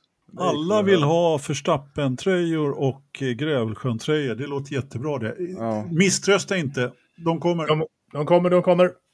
Jajamensan. Så- Glö- Glöm inte att prenumerera på vår YouTube-kanal också.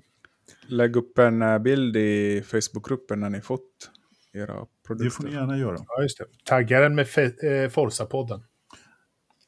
Det blir inte jättemycket Indy, men nu ska vi prata åtminstone några minuter.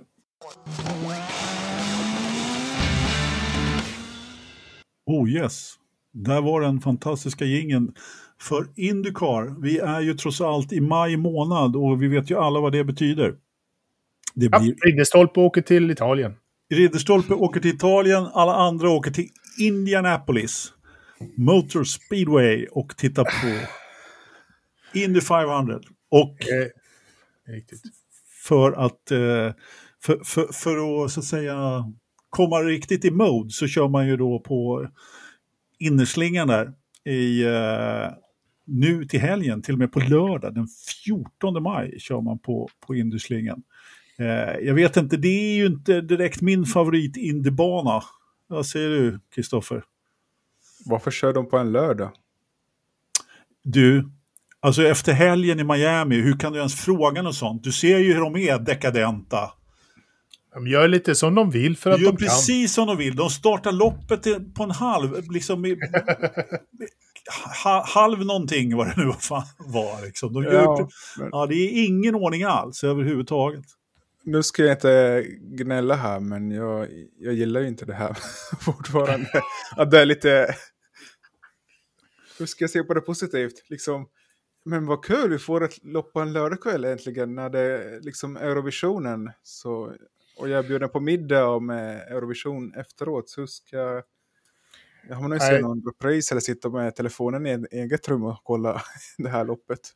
Du kan, så här, min son fyller år på lördag. Eh, han gillar Eurovision. Det är, eh, han har sedan ett år eller tre år tillbaka mutat in det här. Så att, att de kör på lördag. Jag har liknande problem kan jag säga. Jag vet inte riktigt vad jag ska göra, men jag tror att jag kommer sitta med mobiltelefonen och titta på Indycar i den. Eh, helt enkelt, medan de kör musik på tvn där borta. Stackare som måste ha Ja, sådana ja, där stor, stora problem. Det har inte jag. Nej. familj. Jag, jag har förbjudit det där programmet som ni pratar om inom eh, en, en 50 meters radie från mitt hus. Tur att jag har stor tomt. Kristoffer, Sverige ryktas ju vinna den här showen på. Ja, s- Indy säg GP. så- Säg så Ja, det också. Tänk det. Det, hade jag faktiskt inget, det, det visste jag faktiskt inte att det var låga odds på, på Felix eller Marcus vinst. Men eh, vi, har ju, vi har ju faktiskt någon eh, som behöver ett bra resultat.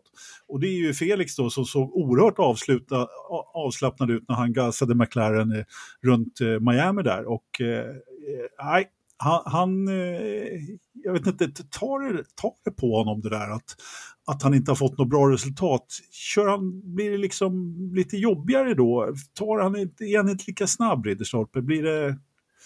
Ja, alltså så här. Det, det vore ju ett under om inte det här har satt sig eh, i, i bakhuvudet på honom. Då, då, är han, då är han nog ganska unik. För att nu har han haft ett par säsonger där det konstant har pratats i, inte helt negativt, men halvnegativt om honom och att man bara väntat på det och det har liksom så här att man väntar och väntar och väntar efter ett tag så, så blir det ju inte något vidare och då börjar ryktet gå att han, han sitter löst och, och, och allt det här.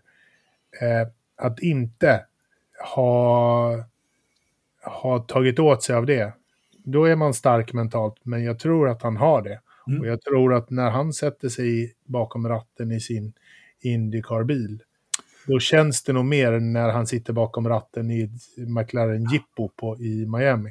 Han tog ju trots allt sin första pole på Indy GP där. Eh, det, det, vi får hoppas att, eh, att det så att säga gör att självförtroendet finns där, men det, det är ett raceresultat han behöver. Eh, Han behöver pole har han det. ta- pole har tagit i år redan. Så att, eh, Ja, ja, han, alltså han har ju kvalat bra i år. Det är Mm. eh, bättre än, än tidigare, men han behöver ju eh, Ja. ett riktigt ordentligt resultat. För det gluckas ju väldigt mycket fram och tillbaka om vad som ska hända. Det är lite, väldigt mycket silly season i Indycar och vi har pratat fram och tillbaka.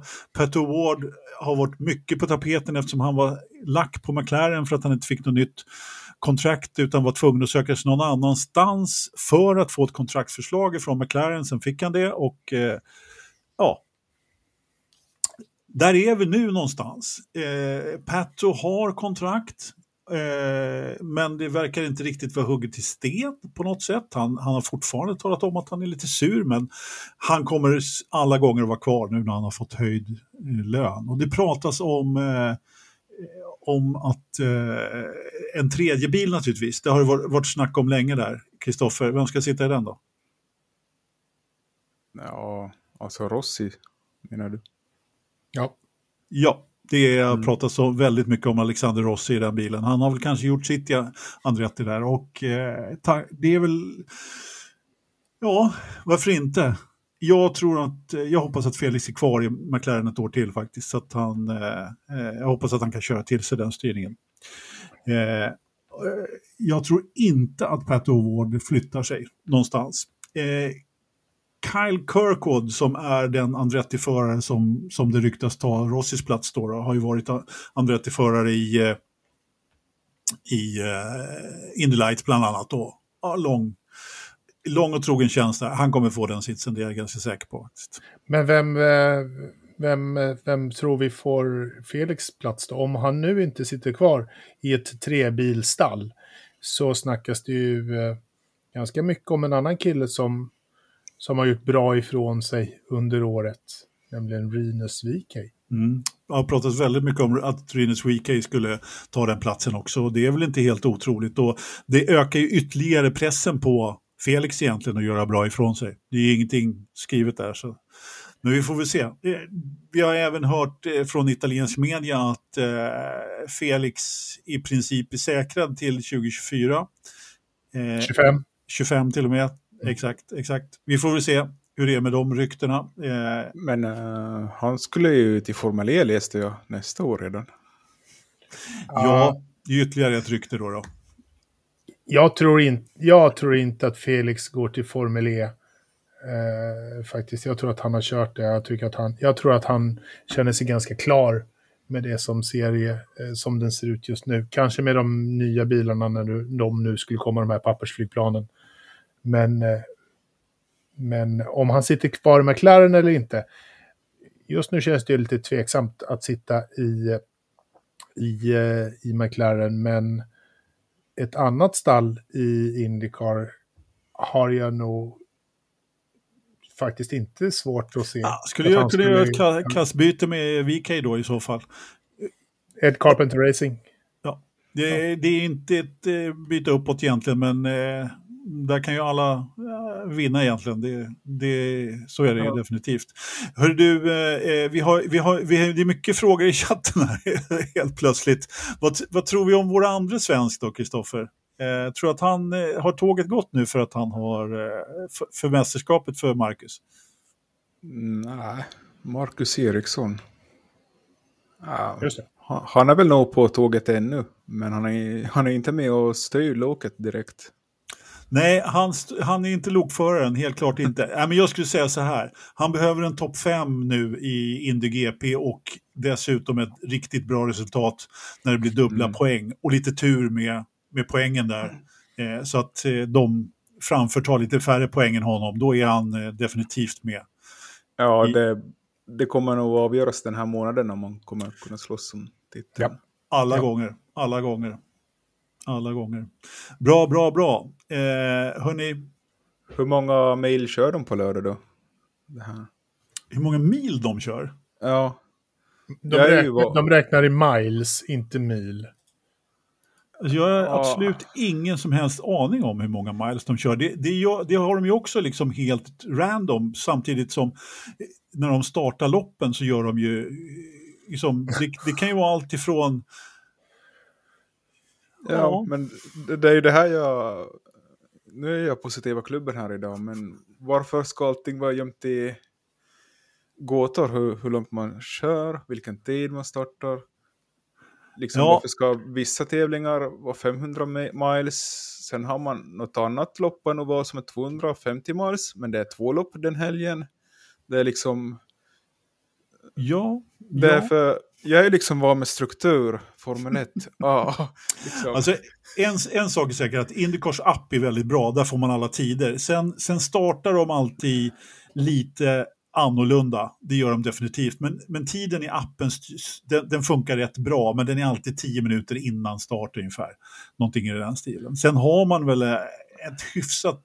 Eh, på de här vägbanorna, eller riktiga racerbanorna, så har man ju ändå ett eh, typ liknande upplägg som eh, som Formel 1 med 30 mils lopp ungefär någonstans. ja. Sen på valen, det är ju där det, det, är ju där det, skil, där, det är ju där det skiljer lite grann. Då.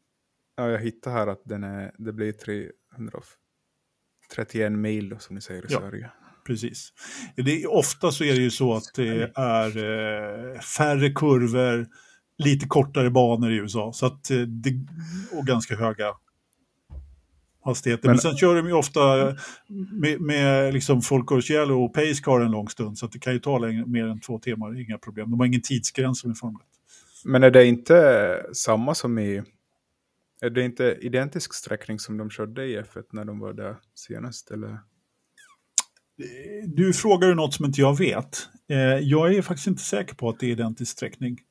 För jag, får in, för jag får inte varven att stämma, det är 80 varv och 314 kilometer.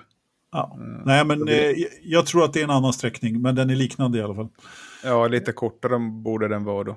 För de, Ja, den är kortare. Jag för mig att man kör kortare. Alltså, F1 körde ju en, en bra lång bit på ovalen där. Och den, är, Eh. den, den ser... Den ser eh, nej, och, och det gör man inte i eh, eh, Indycar, utan man har ju liksom en, ja, en helt annan sträckning Ja. där liksom in på, på inneplan. Så att, eh, den är, den är ganska, ganska stor skillnad skulle jag säga ändå. Vår Indycar-expert Jakob säger att det inte är samma bana alls. Nej. Så, Ja, alltså samma bana är det, för det är Indianapolis Motor Speedway, men sträckningen är annorlunda, det är den helt Ja. klart.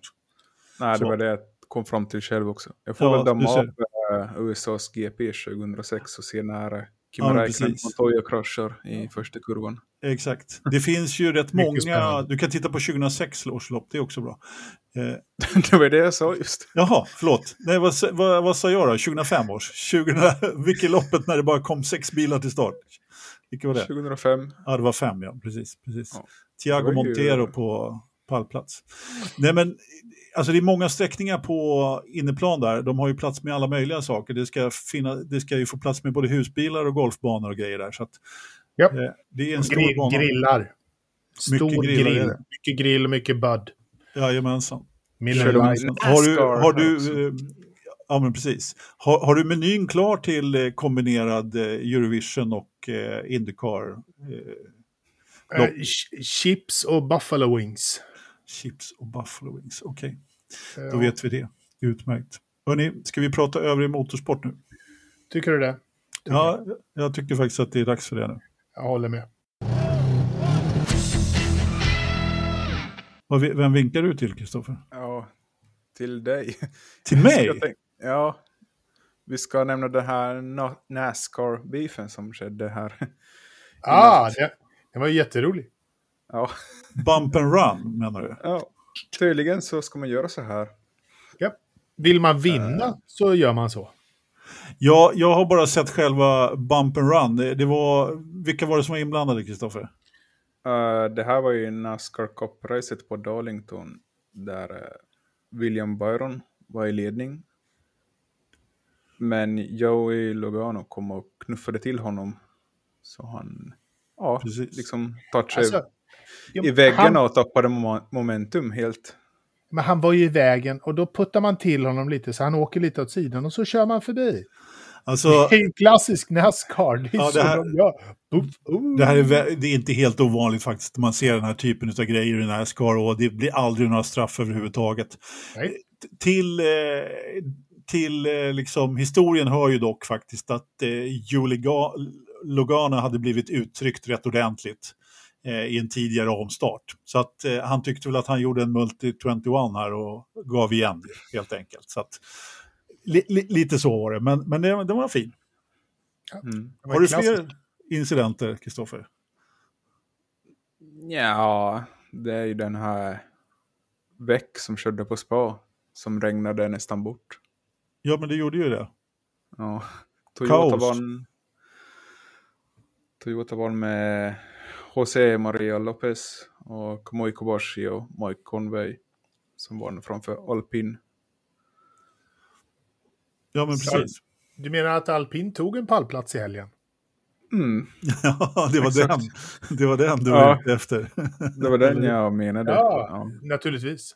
Ja, Ja. men såklart. såklart. Ja, men det har varit väldigt mycket motorsport i helgen. Eh, Det har körts på alla banor överhuvudtaget. Jag fastnade på Nybering 24 timmar som också kördes.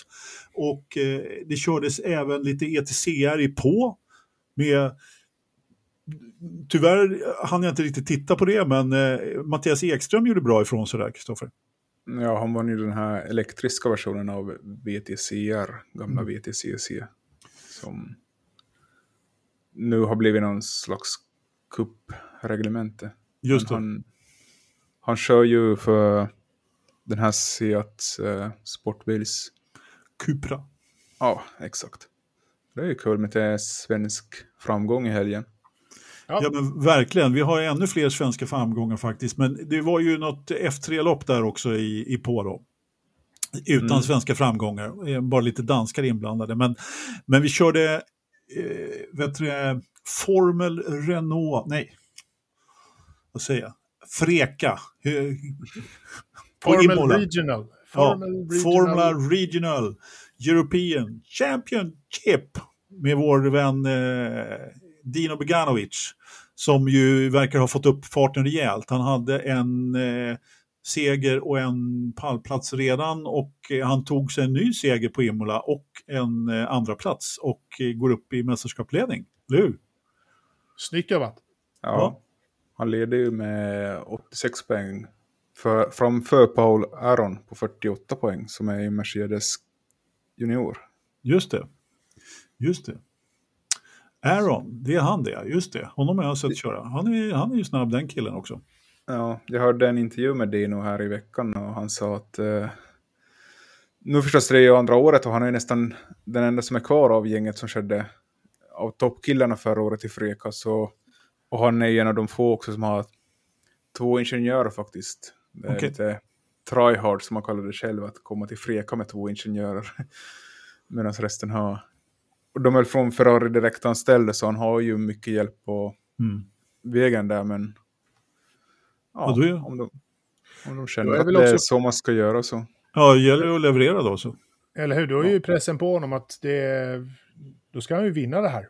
Absolut. Mm. absolut. Annars, annars så blir det ju inte så mycket mera Ferrari Junior av, av det där. Nej. Vi Ja. måste ju nämna då att eh, Joel Granfors då, som kör i England på i det som nu för tiden heter GB3, det vill säga gamla F3 i Storbritannien då, som har fostrat många må, mången god Formel 1-förare. Där eh, går det också hyfsat bra får man ändå säga. Det var en seger och en pallplats där också i helgen faktiskt. Mm. Och han tog också över ledningen i, i mästerskapet. Den hade vi inte i körschemat. Det var som fan, hade jag glömt att skriva in den. Ah, ja. Hur som haver. Eh, nästa var ju då, nästa övrig motorsportpunkt var ju då W-serie som kördes tillsammans med Formel 1 i Miami och det var väl ändå ganska underhållande eh, tillställningar får man väl ändå säga. Eh, lite beroende på vem man håller på. Såg du loppet, tredje stolpe? Loppen? Nej, jag såg inte loppen eh, faktiskt. Jag tänkte eftersom både jag och Kristoffer brukar prata mest i övrig motorsport och du brukar faktiskt se lite W-series. Men eh, Ja, jag missade faktiskt den här, eh, den här helgen. Det var, Ja. det var tråkigt för att jag hade, jag har, mitt, mitt Facebook-flöde är väldigt, eh, har varit fullt med japanska eh, hela veckan. Eh, för jag har Yuji Noda där och det är, hon postar eh, och det grövsta överallt. Det är massa eh, artiklar och jag, jättedåliga översättningar måste jag bara säga. Facebook är inte alls bra på japanska till svenska. Men man kan lista ut att det har inte riktigt gått eh, som på räls för, för eh, Jojo. Eh, den här helgen. Det Nej, var hon hade varit långt, långt efter och de hade nog strul med bilen där och jag vet inte riktigt vad som hände men eh, det verkar väldigt konstigt om hon skulle vara så långt efter som hon har varit nu. Ja. Vi, vi, vi får väl se framöver här men eh, eh, det var i alla fall händelserika lopp. Vad säger du eh, Kristoffer? Ja, det var väl eh, bra racing. Ja, kan man lugnt säga. Och vi har ju vår finländska eh, vän där, Emma Kimmelainen då, som kör och eh, hon kvalade trea i båda loppen. Och eh, hade ju bra fart där och tog sig direkt, nej hon kvalade fyra i första, hon såg fjärde rutan i första loppet och tredje i andra. Och, men och- hon fick ju en dålig start där, eh, de fick en dålig start två stycken i första loppet där, så hon klämde sig upp till andra platsen på en gång där, Kristoffer. Ja, och körde om eh, hon som nu vann loppet sen. Ja. Jamie Hon- Chadwick. Ja, hon hade ju ledningen ganska länge. Det kom ju en safety car och det tog ju eh, liksom 20 minuter av 30 minuter att få bort en bil från banan. Ja, de rödflaggade ju till och med mitt i där. Jaha, var det så? Ja. Ja, men precis. Jag, jag trodde ju inte det skulle köras klart för det var ju inte långt innan F1-kvalet det här pågick. Ja, men Och precis. Och sen ville man ju såklart ha en last lap shootout som i Abu Dhabi och Emmas motor började hosta där när hon skulle gå sig iväg på, bakom säkerhetsbilen. Blev omkörd och sen eh, ja, gick det allt åt helvete som hon sa det själv. Ja, men verkligen. Ja, det var inget vidare där. Alltså, jag blev, alltså Emma, hon, jag gillar henne och det är alltid full attack, men hon kanske inte riktigt är den, hon är ju inte Iceman om vi säger så, om vi ska jämföra med en annan finländsk förare. Utan hon har ju ett väldigt hett temperament och ska bara på, på, på. Jag menar, hade hon lugnat sig lite grann där så hade hon ju tagit en pallplats. Men nej då, hon skulle om eh, andra pris, eh, var det Garcia där som hon skulle om. Och, och då blev det ju naturligtvis en eh, hopkörning där och hon slutar sist i stort sett där. Eh, och, ja, visst, alltså jag gillar när man attackerar men där kanske hade varit eh, lugnast då eh, att ta det lite lugnt efter debaclet då, efter eh, omstarten. För det såg märkligt ut där. Jag undrade just vad som hände i omstarten för hon Ja, det, var, det såg inte ut att vara liksom ett förarmisstag och sen så bromsade hon väl på sig lite grann där också. Men, ja, mycket märkligt i alla fall. Mm. Ja, kanske hennes VM försvann där. Tyvärr. Ja, det gjorde det nog definitivt. Och försvann det inte där så försvann det i andra loppet där hon eh, liksom, ja, fightade som andra och tredjeplatsen i stort sett hela loppet. Såg ut att gå ganska lugnt till så. Eh, och sen då på, eh, var det sista varvet igen? Mm. så eh, går hon ihop i, den, i precis samma kurva i kamp om andra platsen då. då. Med Powell. Ja, precis med Alice Paul, ja, precis. Så när man såg det från den vanliga kameravinkeln så såg det ut som hon blev påkörd faktiskt. Vilket hon, hon blev ju påkörd då, då men ja, hon hade ju helt klart tappat eh, bilen innan där. Liksom. Mm.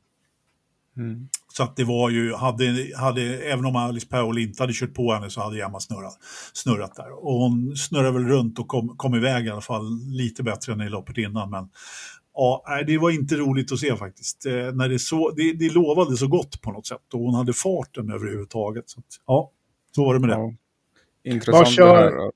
Vad kör man nästa lopp i, i W-series? eh, Barcelona. Barcelona. Kör de tillsammans med Formel 1 då också? Japp.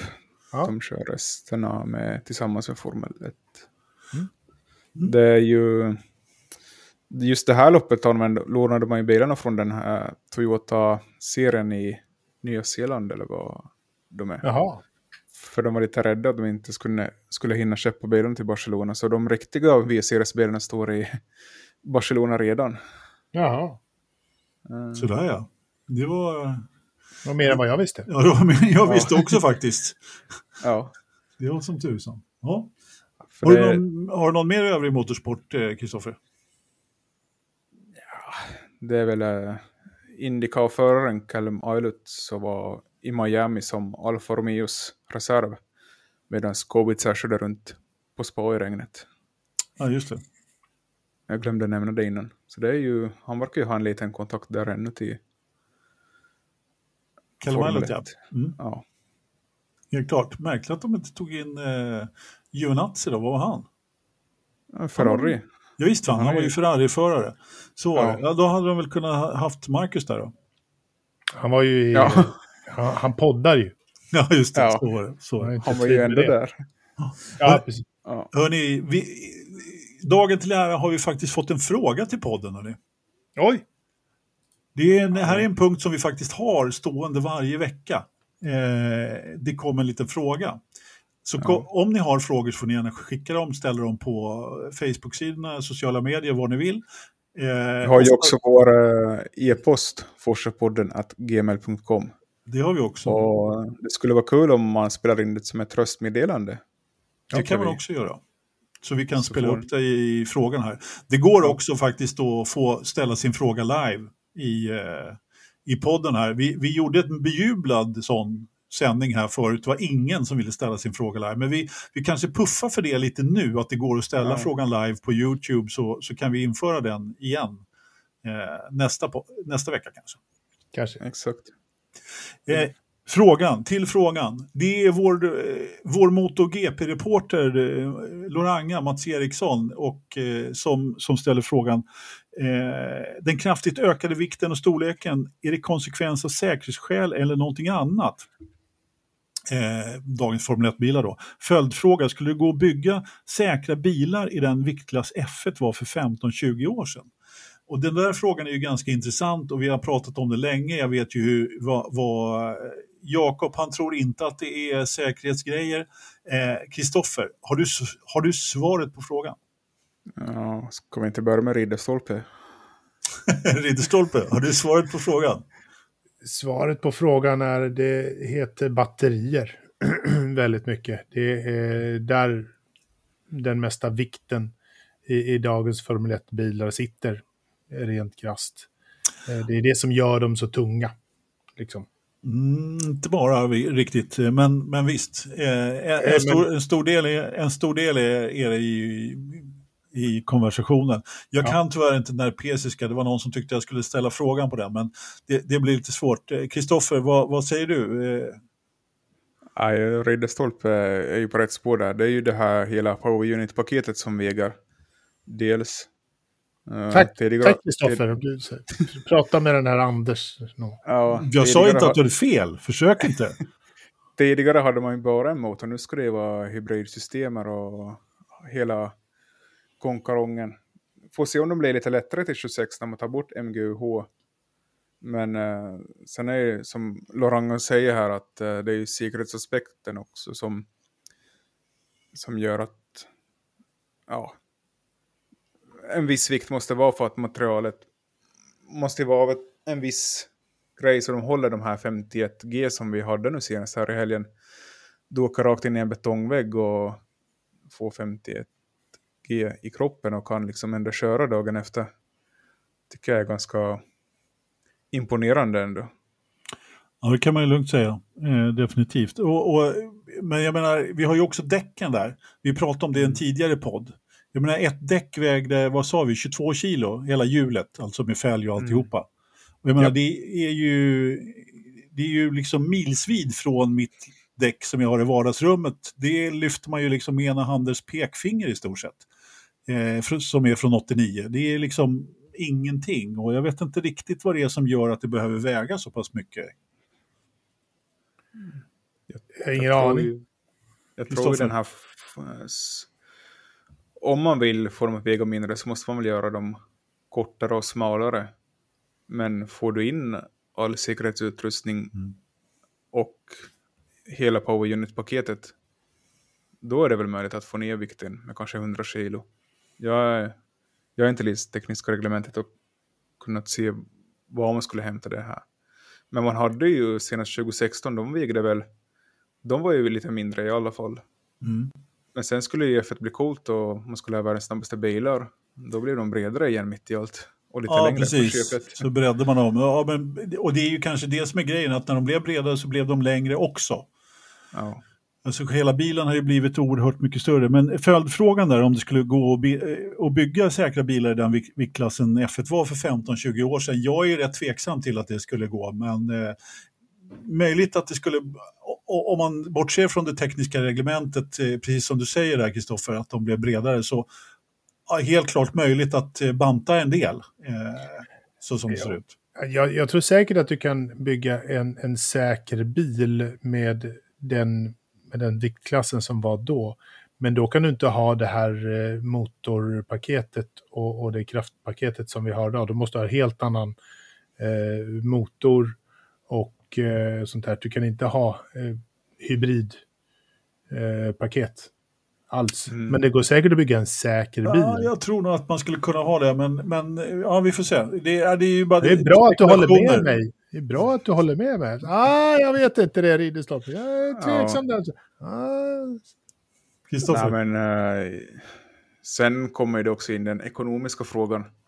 Att vill man, eh, om man skulle testa det här nu till 2026, att stallen vill ju ha en lättare bil. Det är ju helt klart Mm. också att eh, det är ju ingen som önskar att bilen ska väga 800 kilo. Om man kan ha en som väger 600 kilo och köra lika snabbt, om inte snabbare, det Mm. tror jag alla skulle vara glada över.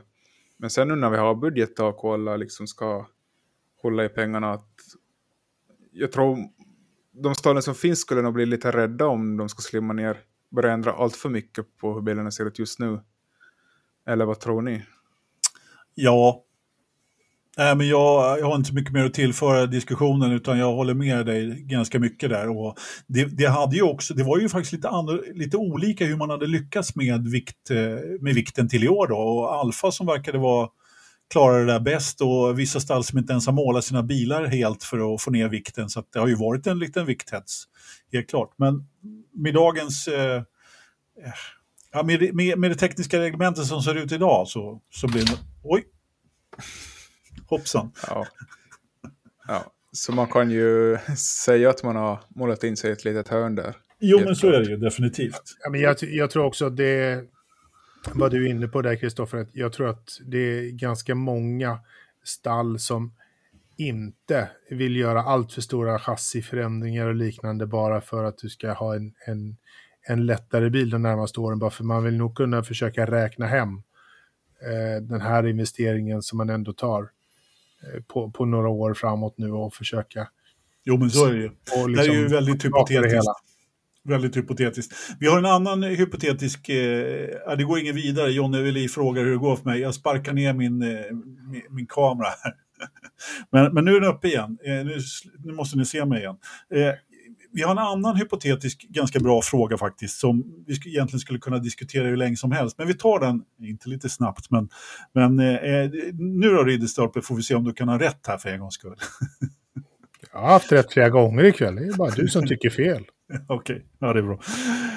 Eh, en mer konceptuell fråga, skulle en utbrytarserie kunna lyckas? En utbrytarserie som enligt mig skulle ligga någonstans i seriositetsnivå mellan MotoGP, det vill säga ovanför Indycar, men ändå slippa F1s alla ambitioner med ekotänk samt slippa alla lopp i diktaturer. Det vill säga, skulle man väl då kunna slotta in då eh, lite mer retro retro med de här banorna, i många banor i Europa och så vidare. Vad säger du om det Ridderstolpe? Skulle det funka?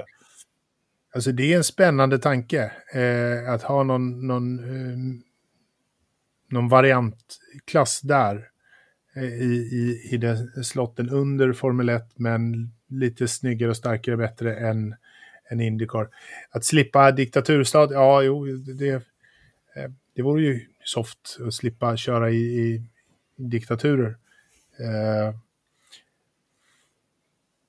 jag är inte säker på att det skulle funka. Eh, jag tror att det är svårt att starta en ny motorsportsklass eh, och eh, försöka dels locka tittare och sponsorer och, och få banor och allting sånt där. Det är större operation än vad man tror att dra igång en sån här sak.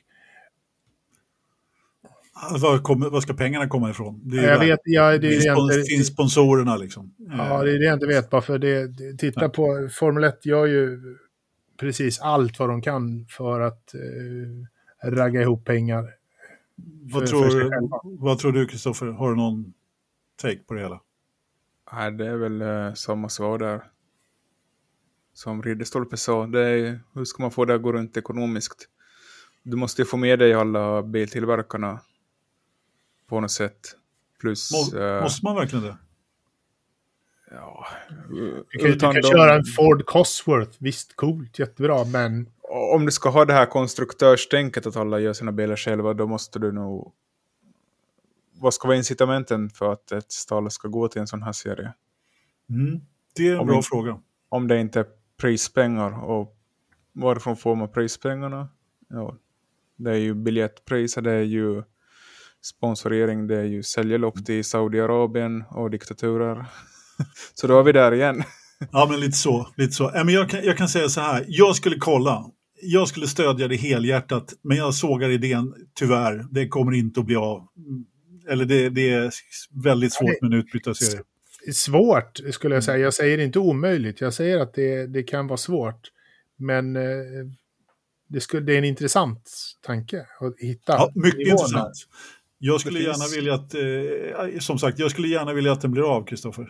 Det finns ju Boss GP-serien som kör runt i Europa med gamla Formel 1-bilar. Precis. Är mycket ni känner till den. Den kör ju på lite F1-banor och ja, det är Mm. privatpersoner som har en slant över som kommer dit med en Toro Rosso 06 och Exakt. ja, har lite kul.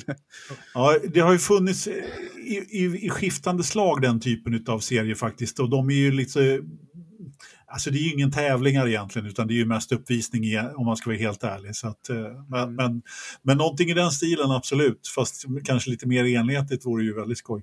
Hörrni, vi måste gå vidare. Nu har vi pratat eh, i evigheters evigheter. Vi får ibland lite kritik för att vi har långa poddar, men vi har så mycket att prata om.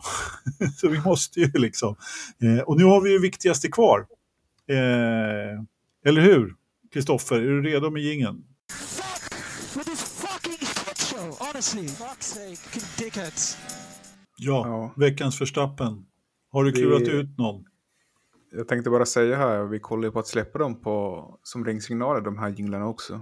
Så, Ja, precis. På riktigt, är, är, är vi tillbaka på 98? Liksom, så här. ja, Vi kan, Hun- 150 spänn för en nedladdning. Ja, som är ja. nej, då, det blir ju billigt, typ 10 kronor stycken. Då. Ja, jag har hittat Åh, några ja. leverantörer faktiskt, bara vi... Här Ja, ska bara- vi... Varenda slant vi kan få in i den här ekonomiska föreningen så tar vi gärna emot. Eller hur? Nu får du klämma ur en förstappen, Kristoffer, bara därför. Nej, jag har ingen Verstappen. Jag är ju positiva klubben idag. Mm. Har du ingen förstappen? Det får väl bli Bottas som tar bort sin femte plats självmant. Bra där, bra där. En sån förstappen, det är sån, såna förstappen man ska ha. Dessutom en favoritförare som får en förstappen, så får en snyting. Det, det hedrar dig, Kristoffer. Va- Ridderstolpe. nej, vad har du, tänkte jag. Vad, Du får ta din först, nej, Ridderstolpe. jag, tänkte, jag tänkte att du skulle få börja här. Jag är snäll idag. Jaha, du behöver tänka lite alltså. Det, alltså det, en sån här helg så finns det hur många förstappnar som helst. Jag menar Fettel. Schumacher eh, som, som kraschar, jag menar Stroll som vinglar, han kan alltid få en. Min förstappen är faktiskt eh, Emma Kimmelainen. Alltså, Nej! Jo, Ja, tack. ja, var det den du hade tänkt? Ja. Jaha, ja. Men då kan väl jag välja... Varför frågar du då Ridderstolpe? Ja, men precis. Jag, jag sa att jag var snäll, men det är så här, Emma Kimmelen, det var, jag sympatiserar med ditt val, Anders. Ja, precis. Nej, men eh, du, du får ta Emma Kimmelainen då. Så, så tar jag eh, F1 tv-produktion. Det är tr- lite tråkigt, jag gillar att ta förare. Men... Eh, ja, Kristoffer. Ja, jag har en, jag har en off-track Verstappen. Det är ju de här Hamilton som inte får ut sin näsring och eh, Vettel som springer runt i kalling. Och det, herregud. det är nog värt en...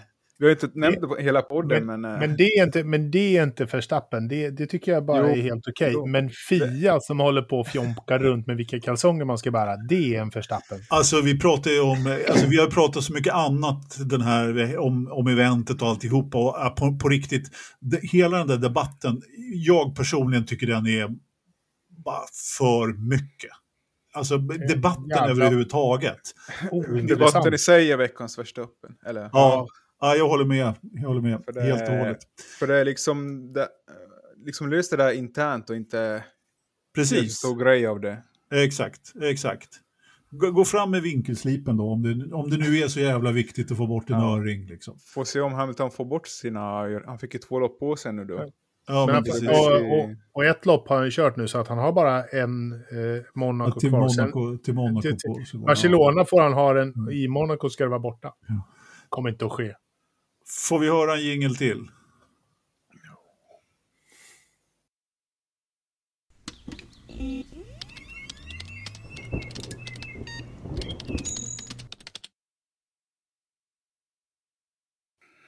Härligt, äntligen. Det är 10,8 grader ute.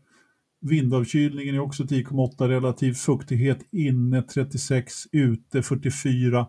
Det är hur lugnt som helst vid fågelbordet, fjällbua, det är bara tomt. Händer ingenting. 10 snödjupet är naturligtvis borta, det är ju vår nu påstår de. 10 17,8 hästkrafter och Jakob hade gissat 14,7 grader i datorförrådet. Jag kan meddela att det är 17,7 i eh, sovrummet. Han måste ha öppnat ett fönster. Eller vad säger du Ridderstolpe? 17,7, det är... eh, sover I sovrummet bra alltså? i. Ja, i sovrummet. Det sover man ju bra där. Nej fan, Men- eller det måste vara minst 22. Åh, gud nej. Eh, men i datorförrådet så är det däremot 15,3. Det är varmt. 15,3. Fel, fel, fel. Vad säger Kristoffer? Ja, 14,2. 14,2. Titta, Nej. ti- tittar du på sidan nu igen, Det är, Kristoffer? f- Nej, det är fel det också faktiskt. Eh, det är 15,7. Va? Jajamensan. Va? Det var, vad, det var, vad sa jag? Du sa 15,3. Du säger inte 15,7. Vi spolar tillbaka det här och så ser vi så här, sket också. Jag kan också meddela att det är 11,9 grader i Alingsås. Ja. Oklart om det är i ett datorförråd eller inte, men jag misstänker att det inte är ett datorförråd, utan att det är mest ute. Ja. Ja, det eh, har gått upp en och en halv grad sen förra veckan. Jajamensan, men det var ju också har ju gått upp ute. Liksom.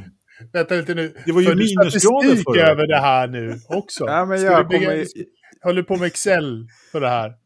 nej, jag kommer ihåg dem. Herregud. Ja. Mitt, Ja. mitt minne är bra men kort. Ja. Och, och fyllt av En intressanta vecka saker. uppenbarligen. Upp, en vecka uppenbarligen. Hörrni, gå in på YouTube och prenumerera på vår kanal om ni inte redan har gjort det. Eh, om ni vill ha... Eh, Podstore.se för en liten t-shirt. Jajamensan, med de här fina motiven som ni har sett av Veckans Förstappen och Grövelsjön. Och vad har jag glömt nu då? Patreon.com, Forza-podden. Och så tack för att du var med idag, Ridderstolpe. Tack snälla Anders, det var trevligt att ha, vara med. Härligt. Kristoffer, har du något mer att säga innan jag säger tack till dig också? Jag ska till Borgå nästa vecka så jag får väl spela in från Finlandsfärjan nästa vecka. Nu igen. Du har ju Ja. precis kommit hem från Finland. Ja, no, det kom, jag fick en inbjudan till ett häftigt event så det är bara att packa väskan och åka du vet. Jaha, ja. Euro- Eurovision. Nej. det, är det i Israel var det de i år? Jag kommer inte ihåg Ita-. Italien. Ja, Italien, Israel. Ja, ja. Det var något på i i alla fall. Ja. Jag kan säga att jag bryr mig inte så mycket- jättemycket om det. Så innan ni fortsätter att prata mer om det så säger jag nu tack, hej då. Trevligt att ni lyssnade, tittade. Vi hörs igen nästa måndag. Jaha, så ingen kvalpodd? Nej. Ah, det är Eurovision då. Eller hur? Det är ändå Vi Eurovision. kan, vi kan göra en Spela Euro... slut, gingen nu!